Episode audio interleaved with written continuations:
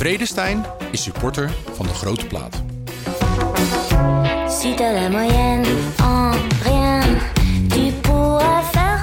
Ja, John, goedemorgen. We zitten midden in eh, wat ze dan noemen de Heilige Week. Waarin we via de E3-prijs Gent-Wevergem en vandaag dwars door Vlaanderen toewerken naar de Hoogmis.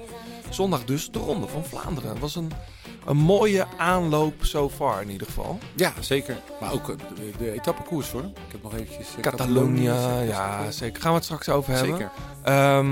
Gent-Wevergem, Ja, zondag. Meer van verwacht. Ja, Nou ja, het was niet spannend natuurlijk. er werden cadeaus weggegeven. Ja, zeker. Wat, wat, wat is het duurste cadeau wat jij ooit hebt gegeven aan iemand? Het duurste. Moeilijk. Dat, nou, dat zal denk ik een heel duur eh, uitetentje zijn geweest. Ja, het, het, komt in het begin me nu iets te dagen. Ja, dat was een, eh, een, een eh, dat denk ik, ja. Ja. Dat Een, een, een, een, een diner in een veel te duur en luxe restaurant. Dat is wel romantisch. Het was heel romantisch en, en ook geen spijt van hoor. Ik heb nooit geen spijt eigenlijk van dingen, maar dat is... dat, ja, als je het hebt over het duurste, maar dat wil niet zeggen of dat het grootste cadeau is. Hè? dat is kan ook iets heel kleins zijn. Ja. Maar goed, in het geval van Laporte heeft hij denk ik wel als, eh, als duur en groots ervaren. Ja. Daar gaan we het zo ook nog wel even over hebben. Eh, aan tafel, ehm, ja, een, een, een pistier, een baanrenner. De, ik ben daar niet zo in thuis, John. Je moet me vandaag even helpen. Nee, ik wel. Ik, ga ik neem wel even aan de hand. Is goed. Valico Madonna del Ghisallo, solo al comando, non attese, Johnny Eugerman della Dat is de liefde. De liefde voor de koers. Blijleven trok de sprint aan. Toen kwam John den Braber eroverheen. En John den Braber wordt de nieuwe kampioen van Nederland. Je luistert naar De Grote Plaats. Een podcast van oud-wielerprof en muziekjournalist John den Braber... en muzikant, zanger en wielerfanaat Blauwtsoen. Zij nemen samen de meest opmerkelijke gebeurtenissen in het profpeloton door... bespreken hun favoriete nieuwe muziek... en gaan op zoek naar het muzikale hart van renners... en het wielerhart van artiesten.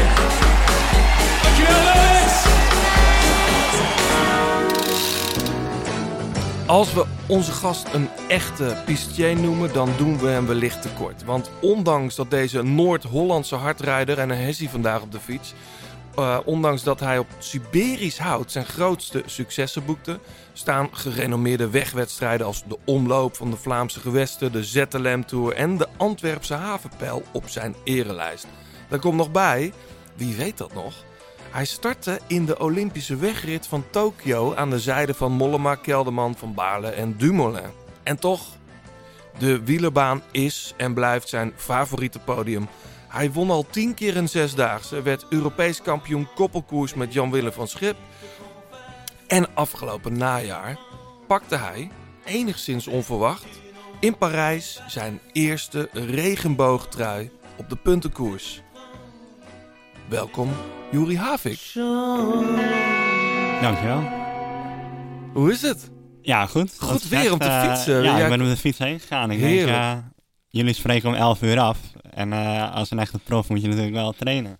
Ja, zeker. Ik denk, ja, als ik de fiets heen ga en fiets terug, dat is eh, samen 5 uur. Dat eh, kan prima als het droog is. Ik ben jaloers op je. Ik, ik had met John net nog over. Wij, wij hebben allebei dit jaar veel te weinig buiten gefietst. Het is toch, het weer zit niet echt mee of zo. Nee, ik moet zeggen, ik ben in Jakarta, Cairo geweest voor de baan, Nations Cups. En dan ben je af en toe een weekje in de zon, of in ieder geval in de warmte. Ja, Ja, dan kom je in Nederland en is het wel koud en wel regen. En af en toe een beetje puzzelen met eh, ga ik wat later weg of om Ja. de bui heen. Maar eh, het lukt nog steeds aardig. Hey, hoe beleef jij deze heilige week, om het zo te noemen? Zie jij, volg jij de, de wegkoers ook Ja, ja, zeker. Kijk, eh, als ik dan thuis ben en je moet alleen trainen, ja, dan ga ik wel op tijd weg, zodat ik ook op tijd voor de buis zit. En ja, ik geniet daarvan. Ik ben ook echt een wiel, liefhebber. Ja, wat vond je de mooiste tot nu toe?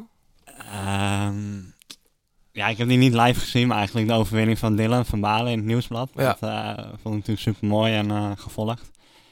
Ja, en ik vind ook de dameskoers tegenwoordig super mooi. Dus eh, als bijvoorbeeld Gent-Wevergem is, dan eh, ja, kijk ik met net zoveel interesse daarna naar de dameskoers, naar de SD-works van Danny. Ja, dan zit je hier goed, Of, want dat eh, doen wij ook. Ja, precies. Ja, ik heb niet met heel veel plezier gekeken naar die dameskoers. Dit is veel gevallen, hè? Ja, maar ook een beetje saai eh, met Ja. Royce was net sterk. Maar eh, bijvoorbeeld in Brugge de Pannen, ja, dat doet mijn schoonzusje ook mee, Marit. En dan ja, dan zit je dat ook te volgen en dan, eh, ja, dan zit ik de hele middag op de bank. Ja, ik had eigenlijk gedacht dat jij Olymp Olympisch Tour zou rijden, maar... Ja, dat had wel gemoeten, maar eh, ik kwam eigenlijk wat vermoeid uit Cairo, omdat ik in Jakarta zelf ook eh, heel erg ziek was geworden. Mhm. En toen eh, was mijn bloeduitslag ook heel slecht en toen mocht ik eigenlijk niet van de dokter van de bond. En Nee. ja, was ik eerst heel teleurgesteld over, want ja, elke Nederlandse renner wil Olympia's Tour rijden. Ja, Maar op de lange termijn gaat waarschijnlijk de betere keuze zijn. En ik ben nu weer lekker aan het trainen en dat gaat weer goed. Dus dan eh, ben je ook optimistisch en kijk weer naar de volgende wedstrijd eh, dat het weer goed gaat gaan. ja. Hey, en ehm, volgende week, na Vlaanderen, staat Scheldeprijs, staat die wel op jou? Ja, klopt, daar ga ik wel rijden. ja. Ja, het was, eh, om nog heel even terug te gaan, een, een, een mooie winter voor je. Ja, dat was de ideale winter voor me bijna. Dat, eh, Zesdaagse met Nicky gewonnen. Ja, precies. En eh, natuurlijk wereldkampioen geworden voor de winter. En eh, ja, daar hebben we echt een goed feestje gehad. Ja? En daar had ik, Ben je nog van aan het herstellen? Ja, daar liep ik ook corona op. Dus toen was Oh, ik wel God. even zenuwachtig van... Ik moet dus al die Zesdaagse met Nicky gaan winnen. En in Kopenhagen en Gent daarvoor wil ik ook goed zijn. Want ik ben net wereldkampioen geworden. En ik, ja, ik vloog echt op dat WK. Ook de koppenkoers reed ik heel goed. Ja. En iedereen heeft dat gezien. En ik had voor een gevoel... Nou, Nicky zat hier, eh, volgens mij. Die was ook nerveus hoor. Ja, Ja, net die, zag ja. van, eh, wow. Ik moet met hem de zesdaagse. Dus die, moet, die voelde zich ook een beetje eh, onder druk gezet door Ja, jou. precies. Toen hadden we Kopenhagen al gereden, denk ik. En Ja, daar reed ik klopt. weer heel erg hard. Maar Driedaagse toch? Ik Ja, eh, precies. ja. Maar dus meteen na het WK had ik corona. En daarna ben ik nog gauw in Girona gaan trainen. Echt een goed trainingskamp gedaan, begin november nog. Wat zeg maar vrij ongewoon is. Maar ja, voor de Ja. baanrenner eh, was dat wel prima. Omdat ik echt wel zenuwachtig werd van ja, nu ben ik de, die wereldkampioen. Iedereen verwacht dat ik in de kleine baantjes in Gent en Rotterdam eh, ja, rond ga vliegen. En nou corona. En, ja, en uiteindelijk is het allemaal goed gekomen. En Ja. ja, ja het is echt de mooiste winter tot nu toe. Leuk man. Echt, eh, nou, te gek dat je er bent. We praten zo uitgebreid verder over jouw carrière en ambities. Want de Olympische Spelen staan alweer voor de deur. Ja, het duurt nog even, maar Ja. jij bent daar al wel mee bezig, denk ik. Ja, zoals je zegt, de vorige Olympische Spelen en de wegwedstrijd gedaan en vijfde op de Madison. Ja, Ja. als je een keer vijfde geworden bent en die medaille longt, dan uh, Ja, toch? ja, heel mooi doel natuurlijk. Ja. We blikken met jou ook vooruit, uiteraard, naar de Ronde van Vlaanderen. Die heb je zelf nooit gereden, of wel? Nee, alleen met een belofte. Ja, precies. Ja, ging nog best goed. Wel Was dat toen de Groenewegen gewonnen? of-? Nee, een jaar ervoor denk ik. Oké.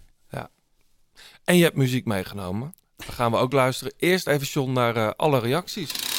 Zeker. Nou, onze afgelopen gast was natuurlijk eh, Daan Olivier. Die met vlag en wimpel in het... eh, Ik wil steeds Olivier zeggen. Olivier? Ja. Nou, mag ook hoor. Ja. Eh, die is gekozen in de Provinciale Staten, dus bij deze gefeliciteerd. Ja. Mag hij daar zijn, zijn ambities waar gaan maken. Mag hij het uitvechten met die partij? Ja. Met die andere partij. Ja. Maar heel veel mensen hebben geluisterd. Er waren ook mensen die op hem gingen stemmen. Of die zeiden van, had ik maar in Friesland gewoond, had ik op je gestemd. Dus nou, hartstikke leuk. Eh, David, die vond het wel een beetje jammer dat eh, van alle foto's die we hem konden pakken, dat we er eentje hadden uitgekozen dat hij aan het lopen... Maar het was... ja, maar ik daar hadden die we... foto helemaal niet. Nee, maar daar hadden we het over. Dat, Ja, is, dat zeker. is die foto uit Baskeland, waarin hij, waar zijn knie op slot gaat, waar hij het over heeft. Ja, en waar je ook echt... Dus die foto is zo sprekend. Ja, hij loopt. De wanhoop, met- Maar de wanhoop in zijn hoofd, Ja, zijn ogen ook. zo. Ik vreselijk. vond het echt... Maar eh, goed, ja, het is niet een charmante foto, Nee. maar daar hebben we het wel met, eh, met Daan Ja, over gehad natuurlijk. Dus, eh, maar goed, we kennen hem natuurlijk allemaal als, als goed renner ook. Ehm, eh, Ed, die, eh, die geeft eh, ons, eh, ons, nou eigenlijk Naomi Speelman, een compliment. Eh, gelijk in de Spotify-lijst gezet. Ja, prachtige stem. Eh, maar eh wanneer horen we weer eens iets over het wielerhart van de artiesten, zoals Fleur altijd zo mooi zegt. Dus ja, dan moeten we toch wel snel- Oh nee, we, er komen genoeg artiesten. Gaan staan we- op ons lijstje. Dan gaan we weer, Ja. weer aan de slag. Ja. Ehm, en dan heb jij, eh, ja, je hebt heel vaak medestanders. Luc, die, eh, die zegt het klinkt als vloeken in de kerk, zeker in België. Ik weet wat hij gaat zeggen. Denk ik. Maar wat was ik blij met Johannes' licht controversiële kijk op Remco Evenepoel. Eindelijk een zielsverwant in eigen kring leidt mijn hardnekkige twijfel over de toekomstige toerwinst alleen tot hoon. is Great dit een Vlaming of een Nederlander? Weet ik niet. Volgens mij is het een Nederlander. Maar het, het is mij niet zo opgevallen dat jij daar zo... Nou, Ja, nee, ik wilde er misschien zelfs op terugkomen. Dat was wel ook bedoeld om een beetje eh, discussie aan tafel te ontlokken. ja. Eh, maar ik sta nog steeds... eh, ik sta nog steeds achter mijn woorden. Nou ja. Nou, ik laat me ook heel graag verrassen hoor, door Ja. Remco. Maar ik denk, ik heb gezegd... moet ik het herhalen? Nou, voor- Dat Remco Evenepoel nooit meer een grote ronde gaat winnen. ja, nou ja. Nou ja, Luc is het met je eens. Dus eh ja, Jury lachen. Oh, ja. Ja, ik denk dat hij nog een heleboel gaat winnen. Ja. Als die Nee, jongen dat denk jong ik ook. Ja, Hij gaat een hè? heleboel mooie dingen. Ook grote rondes, denk ik. We zullen zien. Nou, en Luc, stuur ons eventjes een, een berichtje via de, eh, de socials. En dan eh, krijg je een mooi shirt van de grote plaat van 36 Cycling. En eh, ja, speaking of. ehm, we hebben natuurlijk al een mooi voorproefje gehad eh, op een eh, grote ronde die hij We nooit- vergeten nog eh, de Shimano Service Bon. Oh, eh, wacht even. John, want eh, ja, dat, dat klopt. Shimano Service Center Bon is gewonnen door... Door de, degene die de uitslag van Milaan Sanremo goed voorspelde. Ja. Onze eigen Mathieu van der Poel. Dat waren natuurlijk meerdere mensen die dat hadden Ja. voorspeld, toch nog. Ehm, en een van hen is Amber Zeilman. Eh, die, eh, die had hem als eerste staan. Dus eh, Amber, stuur ons even een, een berichtje via de socials. En dan krijg jij die mooie Shimano Service Center bon. Waarbij je bij Ja. het Shimano Service Center naar keuze je fiets kan laten tunen. Of 100 euro is die 100 waard. euro. Ja, En en, de, ja? En dat kan ook als je geen Shimano onder de Zeker. fiets hebt. Ehm, en de winnaar van de volgende Shimano Service Bon. En dan gaan we even terug naar de mooie verhalen. Ehm, je hoeft deze week niet te gokken wie de ronde wint of de Scheldeprijs of wat dan ook. Ehm, stuur ons je mooiste en sterkste fiets of wielerervaring in. En dan maak je kans op zo'n bon. En John is nogal eh, fan van dramatische pechverhalen. Dus eh, die doen het altijd goed. Of euforische overwinningsverhalen, is ook goed. Verder naar de koers. Ja, nou ja, ik, eh, ik sprak dus voor mijn beurt. Ehm, Catalonië, heel erg van genoten. Ja man, Het, wa- het wa- was een beetje een, ja, is, is, is het een gelijk spelletje? vind ik niet. Nee? Nou ja, ik... ik, ik Tenminste, om even duidelijk tussen Evenepoel en... eh, Ja, Remco tegen Roglic. Ja. Ik vond het fantastisch, want we hadden het eerder al over Vingegaard natuurlijk en eh Pogacar. Ik weet niet of jij het gezien hebt in Parijs-Nice. Dat daar, daar begon de Tour eigenlijk al. En nu begint in Catalonië eigenlijk de Giro al. Ja. Die, veel, oh, die veel dichter bij, eh, bij eh, in, in de agenda staat natuurlijk dan de Tour. Ik vind eh, ja, een vrij gelijk spelletje, zei jij, John. Dat zou Ja. kunnen, maar ik vind ja, uiteindelijk wint Roglic, wint hem wel. Maar ze, reden, ze deden elkaar pijn, maar ze konden elkaar nergens echt... Er ging niemand door het ijs. Nee, maar er is wel één die gewonnen heeft. Ja, Dus oké, dan heb je het over seconden. Dat kon de laatste dag... Dat kan in de. Giro natuurlijk Ja, ook dat is zo wel zijn. zo. Maar daarom denk ik van, het is, ja, ik vind het wel een prettig idee... dat we niet zoals bij uh, Pogacar en Vingerkaart nu al denken van... oei, wat moet Ja, er straks worden? En dat Nou, was wel op bonus seconden en in de Giro gaan tijdritten zijn. Dus dan Ja, zullen ze de een voor de ander toch moeten aanvallen in de bergen waarschijnlijk. ja. Ik ben wel heel benieuwd van, eh Jori, van hoe, hoe, hoe kunnen dat soort jongens zich nog verbeteren tot aan de Giro? Ja, dat zal wel moeten, maar waar, op welk vlak dan, weet je wel? Ja, ik, ik denk niet per se dat ze nog heel veel beter worden. Maar misschien dat ze van deze koers nog wat beter geworden zijn. En weer wat uitgeruster en frisser aan de start gaan staan. En het werk wat ze in de winter hebben gedaan gaat bepalen hoe goed ze in de Giro zijn. En niet wat ze de komende twee weken doen, denk ik, zeg maar. Nee. Maar eh, ja, ik denk dat Remco Evenepoel heel goed gaat zijn. nee, zeker. Maar Roglic toch ook. Ik bedoel, als je ziet dat hij pas, eh, dat hij pas in oktober, eind oktober, pas weer op een fiets mocht zitten. Ja, maar het is misschien ook wel een beetje de beeldvorming, hè? Want eh, ik heb natuurlijk ook, ik heb nu eindelijk die documentaire serie gezien, eh All In. Ja, En eh, hij heeft echt heel veel op zijn pleet gehad, weet je. Mentaal natuurlijk heel sterk. Elke keer komt hij weer terug. Maar het algemene gevoel is toch, en dat deel ik wel een klein beetje, dat zijn momentum een beetje voorbij is. Ja Dat- maar dat- als je dan bij terugkomst Tirreno wint en Catalonië Ja, wint. ja, maar ja, de grote ronde, weet je, dat hij heeft toch een beetje nu aan zijn broek hangen. Ja, toch die Tour, waar die, die, die eigenlijk had moeten winnen en die die dan niet wint. Eh, ehm, ja, ik, ik weet niet. Ik, als ik dan nu zo even de pool inderdaad zie, wat, wat Jury eh, ook terecht aangeeft, die echt eh, vol de wind in de zeilen heeft. Hm. En een natie achter zich, ja. Ja, ze gaan ik, zou allebei, het mooi vinden hoor, maar Ze gaan allebei nog op hoogte. Dat is trouwens voor Roglic voor het eerst, pas dit jaar. Ja, het is toch nog wel even tot de Giro. Ik denk inderdaad, als ze allebei nog op hoogte gaan, dat dat ook wel weer heel erg eh, een voor een boost kan geven. ja. En of bij de een beter kan uitpakken dan bij de ander, zeg maar. Maar ja, wat Roglic doet is ook wel echt, eh, is echt een heel goede wielrenner. Je ziet ook heel vaak dat hij in de laatste kilometer bijvoorbeeld eerst nog een keer op kop komt en mensen uit een tent lokt, zeg maar. En vervolgens uit redelijk verre positie een sprintje wint. Ja, het is geen toeval dat hij dat elke keer zo doet. Hij is gewoon best wel koerslim. Maar mensen denken van ja, het is een schalspringer en dat doet maar wat.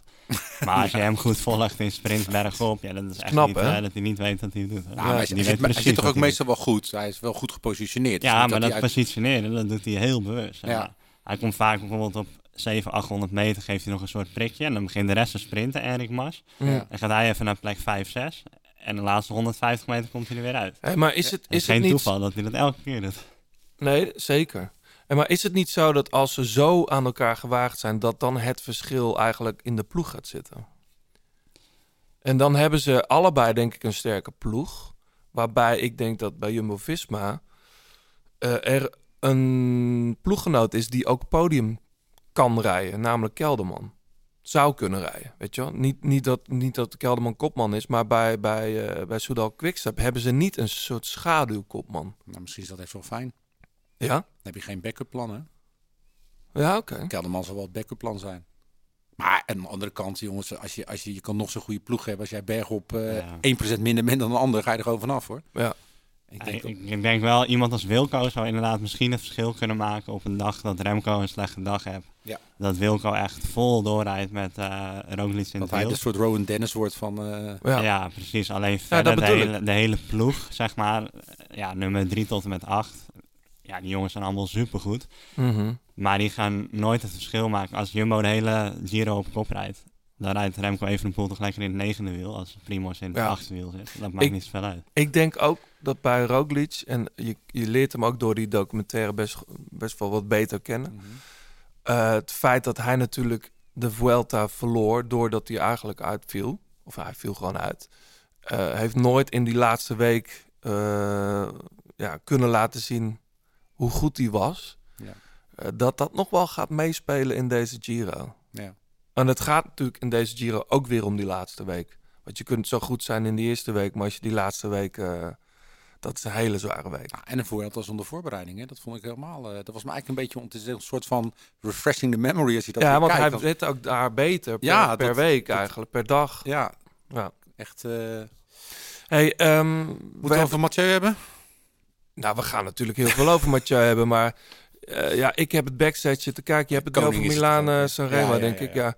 Eh, Hij heeft, eh, jij vroeg je af of hij verstoppertje had gespeeld. Nou ja, heel veel mensen zeiden natuurlijk dat hij niet goed was in Tirreno en dat hij veel liet lopen. Maar eh, ja, ik weet niet of het nou bewust was, maar ja, het was wel eh, zand in de ogen strooien bij, eh, want hij was echt gewoon een klasse beter eh op Ja. ja. Poggio. Ja. Het is ook een mooie foto, hè? Dan zitten er drie man op kop en die zitten allemaal met een, met een grimas. En hij zit dan echt zo, mondjes nog, mondje nog dicht in het eh, laatste wiel van die, van die kopgroep. Ik vond de mooiste foto eigenlijk die, die montagefoto met zijn opa. Ja, ik vind dat zo gezocht ook. Nee, ah, het was, het was, dat is helemaal niet gezocht. Ja, Ik- wel. Dat, dat, Nee, dat nee, verhaal John, la- kennen we nou toch wel. Nee, maar luister, Tour en nu weer. Weet Nee, maar je. jij zegt heeft. Nee, maar wacht.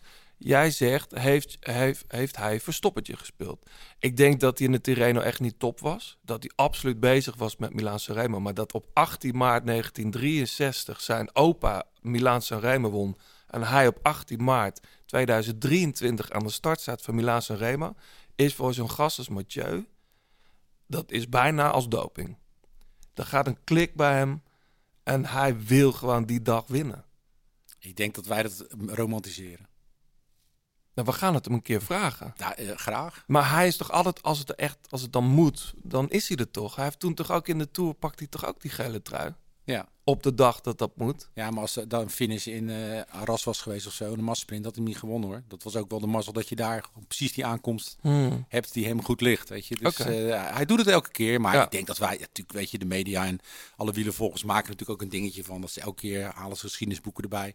En dan komt de opa Poepoe weer eh, Maar tevoorschijn. ik, je. ik, Ja. vind dat, eh, ik vind het niet alleen heel eh, romantisch, maar ik denk ook dat het, dat het voor hem een, een echte motivatie is. Een extra motivatie. Ik moet wel zeggen dat het ook op de dag af was, vind ik wel heel bijzonder. En ook bijvoorbeeld in Parijs werd ik wereldkampioen. En als je daar door de hoofdingang komt, links, links, zijn allemaal heel oude, oude wielerdingen van 1900 en dingen. En er stond ook een soort poster met een getekend iemand. Ik denk, ja, verrek, dat lijkt me opa wel. Ja, het is de wereldkampioen steden. Oh, het is een tekening uit 1975. Nou ja, hij was wereldkampioen in 4 en 75, dus dat moet hem wel zijn. Ja, Ja, toen stuurde ik een foto eh, naar mijn oma en die zei, ja, ja, dat is je opa getekend. dat is toch Bruno. vet? Dat is wel heel vet en dat zie ik in de aanloop naar het WK. Ja, het geeft wel een soort moraal van, ja, Dit is toch het bewijs, John? ja, maar het, het doet wel iets ermee, Dit is het bewijs. Dat is precies hetzelfde natuurlijk. Ik heb ook helemaal niemand in de familie die fietst. dus Ik moet eigenlijk gewoon helemaal niks zeggen. Dat is het gewoon. Goed, nog één ding even, want we gaan nog heel veel over de grote drie hebben. Maar Van Aert, hè, wint dan... eh, nee, ik wou zeggen wint dan Gert Wevergem. dat- hij- Ja, hij wint daar wel. Eh, samen met Laporte, daar geeft die wedstrijd. Samen winnen. Samen winnen, dat is een hashtag, dus eh, prima. Heel België boos. Ja, die bel ja, ik snap dat niet. Dit is toch prima? Dit is, dit, hier hebben we het over twintig jaar nog over. Als die Gent Wevergem had gewonnen. van Nou, ik moet eerlijk zeggen, het, het voelde wel een beetje... ah, maar ik zou ook niet weten hoe je het anders moet doen. Ja, ik weet het wel. Dan, Gewoon wegrijden. Dan sprint je erom, zoals eh Demi en eh, Lotte. En dan vindt ook de hele wereld het raar dat Ja, ze maar gaan had- sprinten en boos op elkaar zijn naar de finish. Ja, Ja, hij had dat toch op de Dus is ook, had de ook door kunnen rijden. Hij had toen niet hoeven wachten, die tweede keer. Ja, maar dan wordt. Laporte misschien geen tweede. Dus je wil ook 1 en 2 worden dan als je de mogelijkheid Ja, hebt. maar dan wat- was Olaf Koor misschien nog eh, podium eh, Kijk, ik vind het niet erg. Wielrennen is steeds meer een teamsport. En het is inderdaad, ze winnen samen. En dat Van Aert dan zo groot is dat hij Gent Wevergem kan weggeven, zeg maar. Ook voor zichzelf. Maar Ja, Ja, als, ik vind dat heel eh, mooi. als, als Van Aert hem vorig jaar niet had gewonnen, dan... eh, Dat denk ik ook. of ja. twee jaar geleden. dan Nee, had- als sterker, gehad. als hij de E3-prijs had ge- niet had ge- eh, gewonnen, Ja. daar hebben we het nog niet over gehad, ehm, dan had hij ook wel Gent Wevergem willen winnen, denk ik. Dat denk ik ook. Maar ja, de mensen die er commentaar op hebben dat hij zeg maar weggegeven wordt. Ja, ten eerste moet Laporte daar wel mee kunnen met Van Aert. Ja, En ze zijn samen en dan kan hij hem weggeven. Hè, in die positie komt bijna nooit iemand anders. ik vind het mooi. Ja, en ik vind het mooier dan dat ze sprinten tegen elkaar en naar de finish half boos naar elkaar staan te kijken van wie heeft er nou gewonnen. Want dat Ja, is ook of- de hele wereld of, commentaar Of, of op. zo'n nepsprintje, dat slaat ook helemaal Ja, nergens. nepsprintje slaat ook, weet je, ik zou, ik zou niet weten hoe je dat moet doen. En weet je, we herinneren ons allemaal waarschijnlijk nog wel Carapaz en Kibakowski in de Tour. Daar was ook iedereen eh, Ja. over de zeik Ja. over dat, dat ze daar niet sprinten. En ja, mensen willen gewoon graag topsport zien en een mooie ontknoping. En Ja, maar het is Zit- topsport, hè? ja, maar ze zitten op vijf kilometer voor de streep, zitten ze om elkaar te ginnen gappen. En eh, het, is, het was allemaal Ja, omdat Ja. ze zo goed zijn. ja, daarom. Dus het is ook, ja, weet je, ja, nou ja, ik had zondag wel zoiets van hoe goed is het voor de wielersport als we dit soort koersen bij de mannen en de vrouwen gaan kijken waar je een uur van eh, voor het einde al je tv al uit kan zetten. Nou, Dus, Ja, maar ik dat ik is vind het ook wel indrukwekkend met Reus. Ja, ik Royce weet niet. hetzelfde. Ja, maar ik, Ja, ben- ik vind het supergoed, maar ik, het was wel, het was niet, je had toch geen lekkere ontknoping. Nee, en dat Gewoon- is jammer, maar soms Ja. wordt het zo ver van tevoren Ja. beslist. Ja. kijk, je zit met z'n achter in een bus. Ja, De avond ervoor, de ochtend van tevoren, constant door die oortjes met z'n achter. Moeten we samen die koers winnen. ja. En dan ben je met twee van de acht vooruit. En dan ben je samen heel erg blij. Ja, wat wil je dan? Dat ze dan tegen elkaar gaan sprinten, terwijl, ja...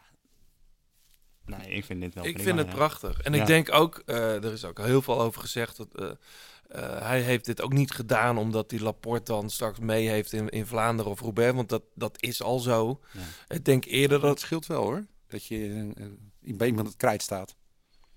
Ja, maar de Laporte rijdt toch sowieso voor Wout van Aert? Dat- Jawel, die maar weet toch, kent toch zijn plek ook wel? Ja, Ja, misschien gaat hij nu nog net wat meer door het vuur voor hem, zeg maar. Dat- Ja, het zou kunnen. Het zou Dat- kunnen. ja. Misschien is en hij dat, had eh, nog nooit een klassiek, echte klassieker gewonnen. Hè. Dat scheelt natuurlijk ook. Het is natuurlijk wel mooi eh, wat, wat die erenlijst echt eh, heel erg stoffeert. dat Ik, soort ik denk dat wat het voor Laporte doet, Ja. zo'n overwinning, dat is echt carrière veranderend, zal ik maar zeggen. Ja. mhm.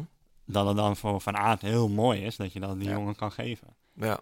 Dat, ja, Laporte is een supergoeie renner, maar die gaat niet nog twee keer Gent leven. Nou, bij de Fransen werd het in ieder geval heel goed opge- opgevat. Want het is lang geleden denk ik dat er een fout van Gent-Wevelgem op de voorkant van L'Equipe stond.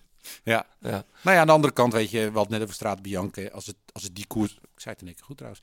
Al- Als het die koers was geweest, hadden die Belgen helemaal geen drukte gemaakt. Maar in Gent-Wevergem toch, ja, op Vlaanderen na misschien wel de meest aange, aange, eh, aansprekende klassieker. Hmm. Ja, doet het gewoon een beetje pijn dat het eh, ja, zo'n apotheose is. Wat ik me vooral afvroeg is steeds eh, waarom, eh, waarom doet vanuit waarom rijdt hij überhaupt? En zeker met dat weer. Het gaat toch om, uiteindelijk om eh, Vlaanderen zondag en om Roubaix de week erop. Ja. Is dat slim? Ik bedoel, ik begrijp wel dat Van, van Aert is naar de zon gegaan. Die ging naar Spanje meteen naar de E3-prijs. Poel. Pocaccia ook. Of Van de Poel. Pocaccia, die woont in de zon in, Monaco. Dus die zit daar ook. Die, die komen pas vrijdagavond of misschien de donderdagavond eh, weer terug in Vlaanderen. Ja, het weer weet je natuurlijk nooit van tevoren. Want nu zou ik wel zeggen van ja, het, het kost wel echt energie, zoiets. En als je hem dan weggeeft en Vlaanderen is echt je grote doel, dan waarom ben je niet naar de zon gegaan? Maar dat is zo moeilijk. Vorm is ook iets ongrijpbaars. En ja, de winnaar heeft altijd gelijk, dus volgende week zullen we het weten. Alleen, ja, het is gewoon geen exacte wetenschap. Hetzelfde geldt uh, Van Aert zichzelf hier nog echt een boost gegeven in Ja. 6, 6,5 uur diep gaan, die hij net even nodig had. En Ja. misschien wordt Ja, hij er nu... kop, eh, denk je daarvan? ja, en misschien wordt hij er nu verkouden van en had hij net als Van der Poel en Pogacar naar de zon moeten gaan. Alleen van tevoren weet je dat nooit. En Nee, want hij wint natuurlijk eh, op een hele mooie manier E3-prijs. Maar was zeker bergop niet de sterkste. Nee. Maar daar gaan we het zo nog over, over hebben. Ehm John, we, zijn al zo, we zitten al zo diep in de koers. We willen nog even muziek luisteren.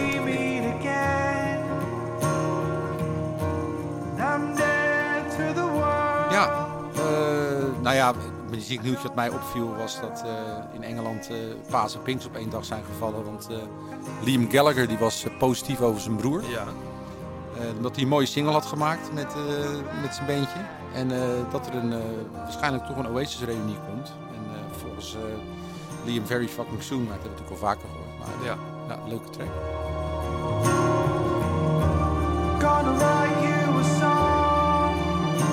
Maar denk jij echt, John, dat ze ooit een keer samen weer... Nou ja, Blur, ik heb ooit Damon Albarn gesproken. Toen had hij zo'n soloplaat gemaakt over zo'n over zo'n zo'n arts. Zo'n soort opera was dat. En toen eh, zei, hebben we het ook over gehad. Toen zei hij van ja, dat gaat nooit meer gebeuren, een Blur-reunie. Ja, die staan ook gewoon weer eh, op festivals en in de Ziggo. Ja, voor de zoveelste keer al, hè? Ja, Want ze hebben- dus dat ja. is... eh, Laten we het hopen, het lijkt me wel tof. Hey, nog heel veel andere mooie muziek. Onder andere van de. Hadden, jij had het net al over de reacties. Eh, er is een, een enorme koers- en eh wielerfanaat. Zijn naam is Apple Skull. Volgens mij hebben we hem wel eens eerder genoemd hier. Producer en DJ, oprichter en grote man ook van eh platenlabel Atom Nation. Zoek dat even op. Eh, straks in het toegift de hele track Alien.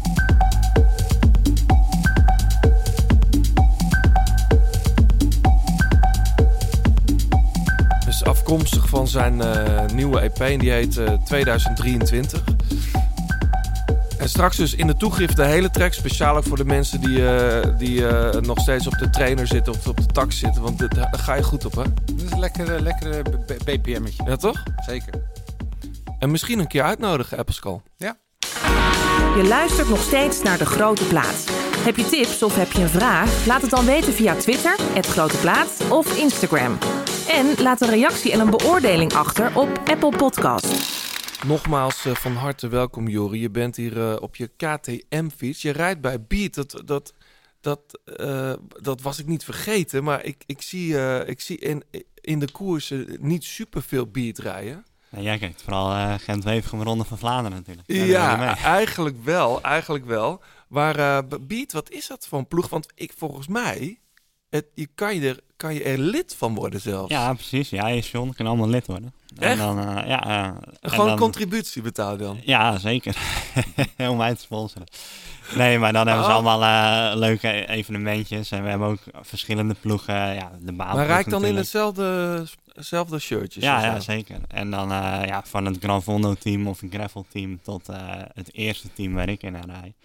Ja, kan iedereen erbij horen in heel Nederland. En dat is ook het idee van de ploeg natuurlijk. Dat wij eh, uiteindelijk gedragen worden door de andere renners of fans die ook eh, contributie betalen. En Ja. dat we niet afhankelijk zijn van één grote sponsor. En dat we eigenlijk als een soort voetbalclub inkomsten kunnen genereren. Ja, dat zou de toekomst van het wielrennen Mhm. moeten zijn. Alleen voorlopig is het gewoon nog heel moeilijk om zonder één heel groot geldverschieter eh, in de wildtour te zitten. Nee, want jij zit dan in het first team, in het eerste team, zeg maar, van, van Beat. Eh, op, op de website staat dan... Het eerste team is er één voor de buitenbeentjes in het profpeloton. Renners die je niet in een hokje kan plaatsen... doordat ze andere ideeën hebben of verschillende disciplines combineren, zoals jij ook. Wat ons verbindt is dezelfde mindset. Onze hekel aan de status quo en onze grenzeloze ambitie. Ja, ik zie mezelf niet per se als een buitenbeentje. Maar ik moet wel zeggen, ja, bij Beat hoor ik dan ook en bij het baanteam en bij de wegploeg. Ja. Ja, en als je heel veel op de baan rijdt en je wil een beetje eh, die vrijheid hebben om je te kunnen richten op een Nations Cup in Jakarta of Cairo en de Ster van Zwolle over te slaan. Ja, bij letterlijk 9 van de 10 andere Conti-ploegen in Nederland, nou misschien bij 7 van de 10, Mhm. hoef je daar niet mee aan te komen, want de Ster van Zwolle, ja, die is heilig. Ja. Ja, met Is alle ook heilig, natuurlijk. Ja, misschien wel, maar Dat is toch een mooie ja, koers. met alle respect, maar als je daar al vijf keer gereden hebt I en eh, ik weet dat ik de top 10 kan rijden, maar winnen is heel moeilijk. Mhm. En, eh, diep respect voor een Koen Vermeld voor die dat soort koersen elke keer weer wint. Dat is super Ja. knap. Maar ja, ik richt me nu liever eh, op Nations Cups waar ik me kan plaatsen voor de Olympische Spelen. En in die zin ben ik wel een buitenbeentje. Ja. Ik ben een Nederlander in een Conti-ploeg die niet geeft om de Stefan Zwolle. Oh, zie hem lachen. ja, Hey, andere, andere jongens bij jullie in de ploeg, eh, collega's van jou, Mat, eh Bugli, Matthijs Bugli. ehm, en de renner Thijs Zonneveld, die wij beter kennen als journalist natuurlijk. Hij heeft hier ook wel eens gezeten. Ehm, hoe, hoe is dat eigenlijk om met Thijs Zonneveld? Heb je al eens een koers met hem gedaan? nee, nee, hij koers nog niet op de weg. Dus, eh, Maar ik zag dat jullie allebei ja. op het lijstje voor Scheldeprijs staan. Ja, nou, ik hoop dat hij komt. Dan gaan we zien of hij komt. Maar, wat denk, wa- maar, Hij is wel heel serieus bezig. Ja, hij ziet er ook... Hij eh, is dat buienradar te verversen en hopen dat het, eh, want hij gewoon vijf uur moet fietsen. ja, hij ziet er eh, ook behoorlijk afgetraind uit. Ja. ja, ja. Ja, ik denk wel dat de Scheldeprijs iets anders is dan die gravelwedstrijden. Die Zeker. Dat het wat explosiever is, dat het moeilijk wordt voor hem. Maar Maar hey, hoe, hoe ziet eigenlijk dan een, een wegseizoen eruit voor een baanrennen? Of, zeg, of kan ik dat niet vragen zo aan je? Of is dat, ja, nee, zeker wel. Ik denk dat ik voel je, sinds, ben je ja, baanrenner? sinds ik mezelf eigenlijk zo sinds vijf, zes jaar geleden echt alleen nog maar op de baan richt, heb ik ook onwijs eh, stappen gemaakt nog. Dus ik denk dat dat ook, ja, hoe noem je dat, in mijn eigen voordeel is, dat ik me daardoor nog heb kunnen ontwikkelen. Dat ik echt eh, vooral focus op de baan. Mhm. Maar ja, het baanseizoen gaat nu eigenlijk. Dus ook in het voorjaar met Nations Cups en het WK dit jaar toevallig in augustus in Glasgow. En dan zesdaagse in de winter, het hele jaar door. Ja, en het is natuurlijk super belangrijk voor je niveau om dat hoog te houden. Om ook gewoon grote wegkoersen te doen. Kijk, eh, Roger Kluge die echt eh, de Tour en de Vuelta moest rijden. Die botte misschien op een gegeven moment een beetje af Mhm. voor het baanwerk. En die Ja. doet nu liever wat kleinere wegkoersen en wat meer specifieke baantraining. Maar als ik afgelopen jaar bijvoorbeeld de ZLM Tour en Ronde van België achter elkaar door kon rijden. En in de ZLM Tour, ja, ik kom niet in de buurt van Olaf Kooi, maar ik kan toch een paar keer zo eh zevende, achtste, tiende plek sprinten. Mhm. Ik heb een leuke week in de zon, ik heb goed getraind. Twee dagen rust en een Ronde van België. Ronde van België een keer een dagje vroeg gevlucht, waardoor de Ardennendag weer extra afzien is voor mij. Ja. Ja, dan heb ik gewoon twee weken op hoog niveau gekoerst en afgezien. En dan, als je dat goed verteert, maak je er ook weer een stap mee. Ja. Hey, wat, een, wat een gek verhaal eigenlijk dat jij, tenminste, zo heb ik het destijds een beetje ervaren, dat jij eh, de wegwedstrijd bij de, bij de mannen op de Olympische Spelen hebt, hebt meegedaan. Ja, hoe hoe zat een dat nou? zich, Hoe zat ja. dat nou ook weer? Want het, dat team was super blij dat je erbij was, heb ik begrepen. Maar Achteraf wel. al acht vooraf niet? Nou, vooraf was het een heel groot punt van... Kijk, er mogen vijf wegrenners rijden. En we reden met eh Bauke Mollema die vierde werd. Dylan van Balen die vijftiende werd, of twaalfde, weet ik veel.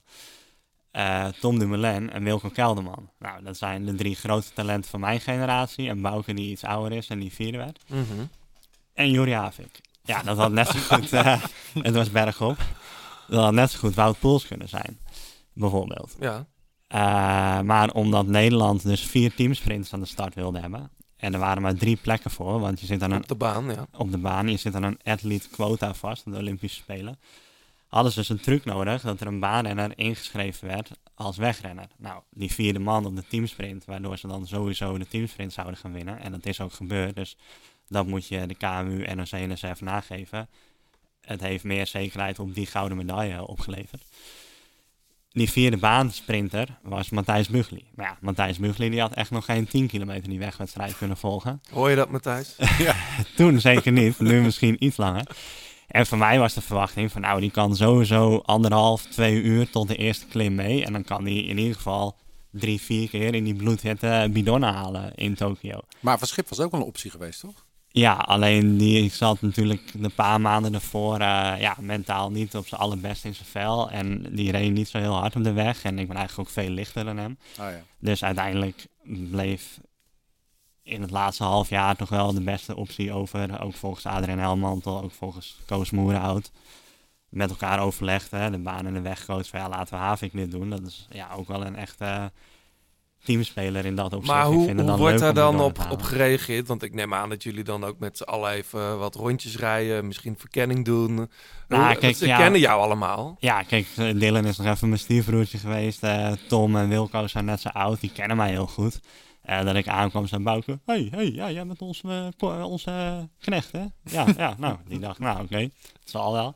En ze dachten allemaal van, ja, Beetje kut eigenlijk. Want als, als, als, als we Wout Poels hadden gehad, die had veel langer meegegaan. Zeer Ja. waarschijnlijk. Ja. Maar ja, we zien het wel. En ze dachten dus na 40 tot 60 kilometer ging het iets van 20 kilometer lang bergop. En dat ik daar wel ergens zou moeten lossen. Nou, dat heb ik ook gewoon een half uurtje net boven mijn FTP gereden, geloof ik. Of op mijn FTP om te kunnen volgen. Maar dat ging wel prima. En toen heb ik nog eh, drie keer bidonnen gehaald. En op een gegeven moment zei Bouke, hé, hey, ben je er nou nog? en eh, hoeveel kilometer hebben we gehad? Want daaruit altijd zonder teller. En ik zei, ja, nee, eh, 100 kilometer gehad. En over 10 kilometer gaan we daarheen. En eh, dit en dat. En ja, Bouke die dacht, nou, dat is wel ideaal. Zo'n gast die de hele tijd bidonnen af en aanhaalt.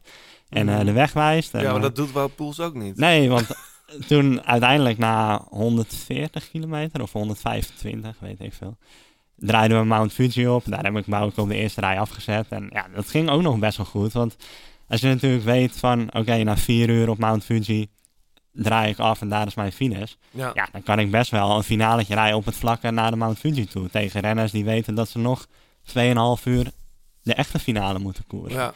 Dus ik reed daar hand tegen hand eh, met vuistje tegen Pogacar. Dan is zoiets van, ja, flikker op joh. Ik rij even voor Bouke. Bouke gaat kort rijden.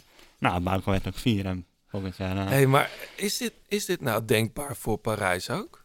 Dat, dat ze weer die truc moeten uithalen? Nee, ik denk het Nee? niet. Want eh, daar mogen er zelfs maar vier renners rijden. En de teamsprint is volgens mij meer verdeeld nu. Dus dan Hmm. zou het ook minder nodig zijn. Maar goed, achteraf zeiden die jongens dus allemaal tegen Koos Moerhout van... Ja, dit is echt ideaal. Zo'n gast die gewoon na een half uur zonder nadenken voor het eerst bidonnen gaat halen. En dat nog negen keer doet in drieënhalf uur tijd. Ik had denk ik letterlijk negen keer bidonnen gehaald. was heel En- warm natuurlijk. Ja, en Ja, heel is veel ijs in panties. Dus Ja.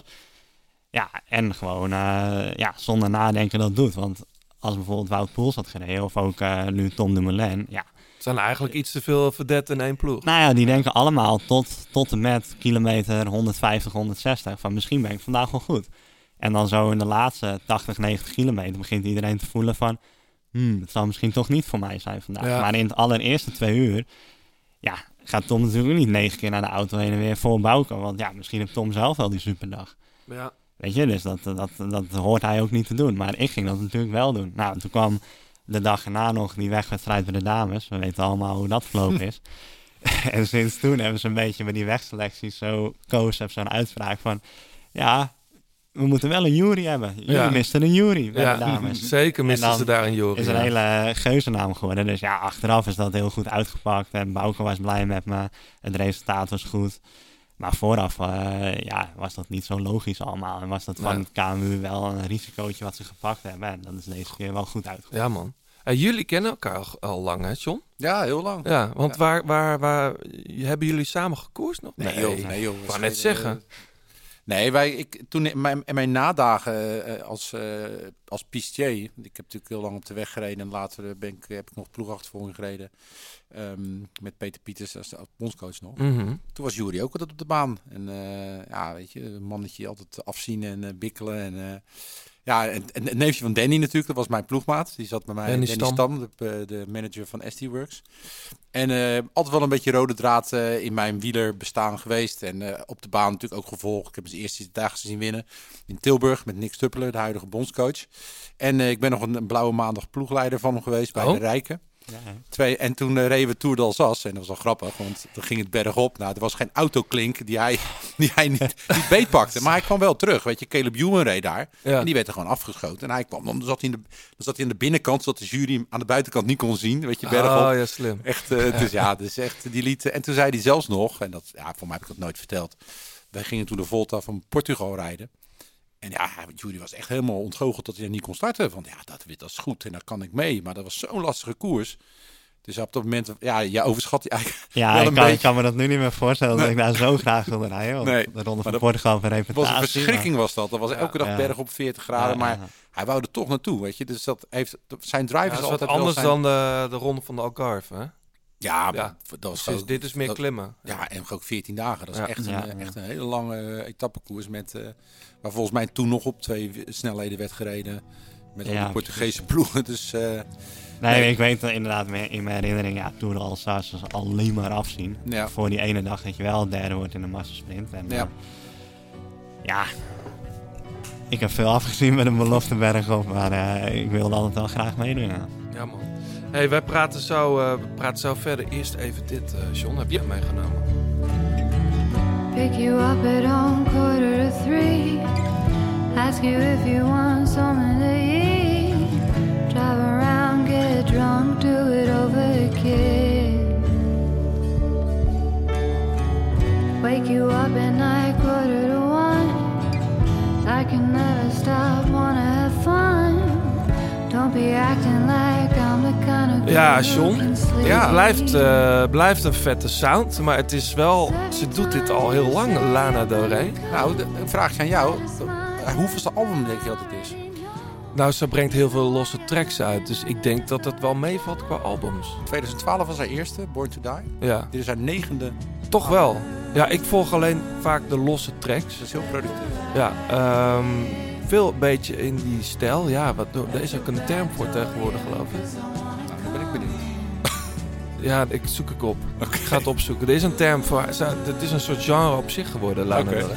Ja. En dit is met een bekende stem erbij. Ja, Featuring zeker. Eh, Father John Misty. De, de oud-drummer van Fleet Foxes. Maar daar wordt hij niet zo graag meer naar herinnerd volgens mij. Maakt John zelf ook... J. Tillman. Ja, Eh, heeft hij ook nog eh, zeker. ja. Maakt heel veel mooie, mooie platen. En eh, ze heeft een aantal features op, deze, op dit album. Wat, wat echt vers van de pers is. Eh, Did you know there is a tunnel under Ocean Boulevard? Dat is voor Ja. mij gisteren uitgekomen. Die, die Ehm, track was al vet trouwens. Ja, eh. met, eh, met John Baptiste staat er ook op. Die vorig jaar de, de- volgens Enemy volgens mij de beste plaat van het jaar heeft gemaakt. Ehm, die staat op deze, dit album. Bleacher staat erop. En ehm, ja, dit nummer heet Little Lady. Ja, ik, ik ben sinds videogames een beetje verliefd op haar sound en op wie zij is. En, Hollywood Sadcore Ah, wordt het genoemd. dat Ja. heb ik echt. Ja. dat, weer wat geleerd. Ik ben, eh, ja, ik, ik draai haar heel graag. Ik vond eh, fucking normal, eh, fucking Norm, Norman Rockwell. Echt Ja. een hele goede plaat. Mooie liedjes, ja. Ja, dus ik... eh, ja, en dat ik- duet met Taylor Swift vond ik ook wel Ja. eh, mooi. Look at us, you and I back at it again. 'Cause I love to love to love to love you. I hate to hate to hate to hate you.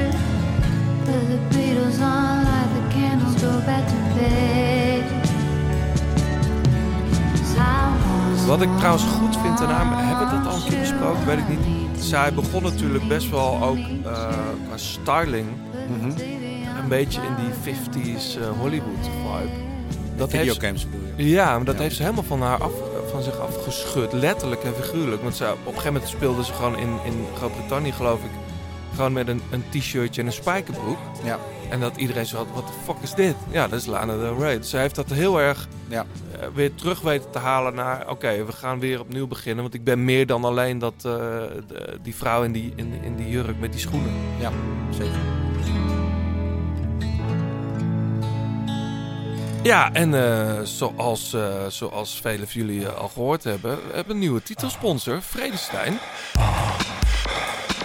Jij, eh, jij kwam binnen vanochtend, Jury. Eh, volgens mij is Vredestein ook een sponsor van jullie. Van jullie ploeg. Want jij rijdt erop. Ja, klopt. Ja. Ik heb uh, Vredestein bandjes. Ja. En ik kom dan nu binnen hier op eh, de Senso Extreme Weather. Ja. Ja, die hebben zo'n lekbestendigheid laag en dat is gewoon ideaal. Dan fietsen ze gewoon een half jaar in de winter zonder lek te rijden en dan zijn ze nog niet versleten. Ja, want dat, dat is toch altijd, John, het beetje het ding. Je kan wel hele slikke mooie banden hebben met skin walls en alles. Ik hou ervan. Ja, Maar uiteindelijk wil je gewoon niet, niet lek rijden. Nee, als jij met een wedstrijdbandje met zo'n eh, super passo waar we de koers op doen eh, aankomt en je rijdt lek met trainen, dan krijg je Noord-Hollands best eh, van Nicky op je kop. Dat is Oh ja? Huh, huh, kom je hier met je wedstrijdbandjes? En dan haalde ik mijn schouders op van ja, die krijg je van de ploeg. Ja, die zijn toch na drie weken versleten? Nou ja, dat valt wel mee, want ik rijd er al een half jaar mee. Ja, vind je het gek dat je lek rijdt? Nou, vervolgens, ik rijd dus echt niet zo vaak lek. Nu al Nee. helemaal niet met die Senso's.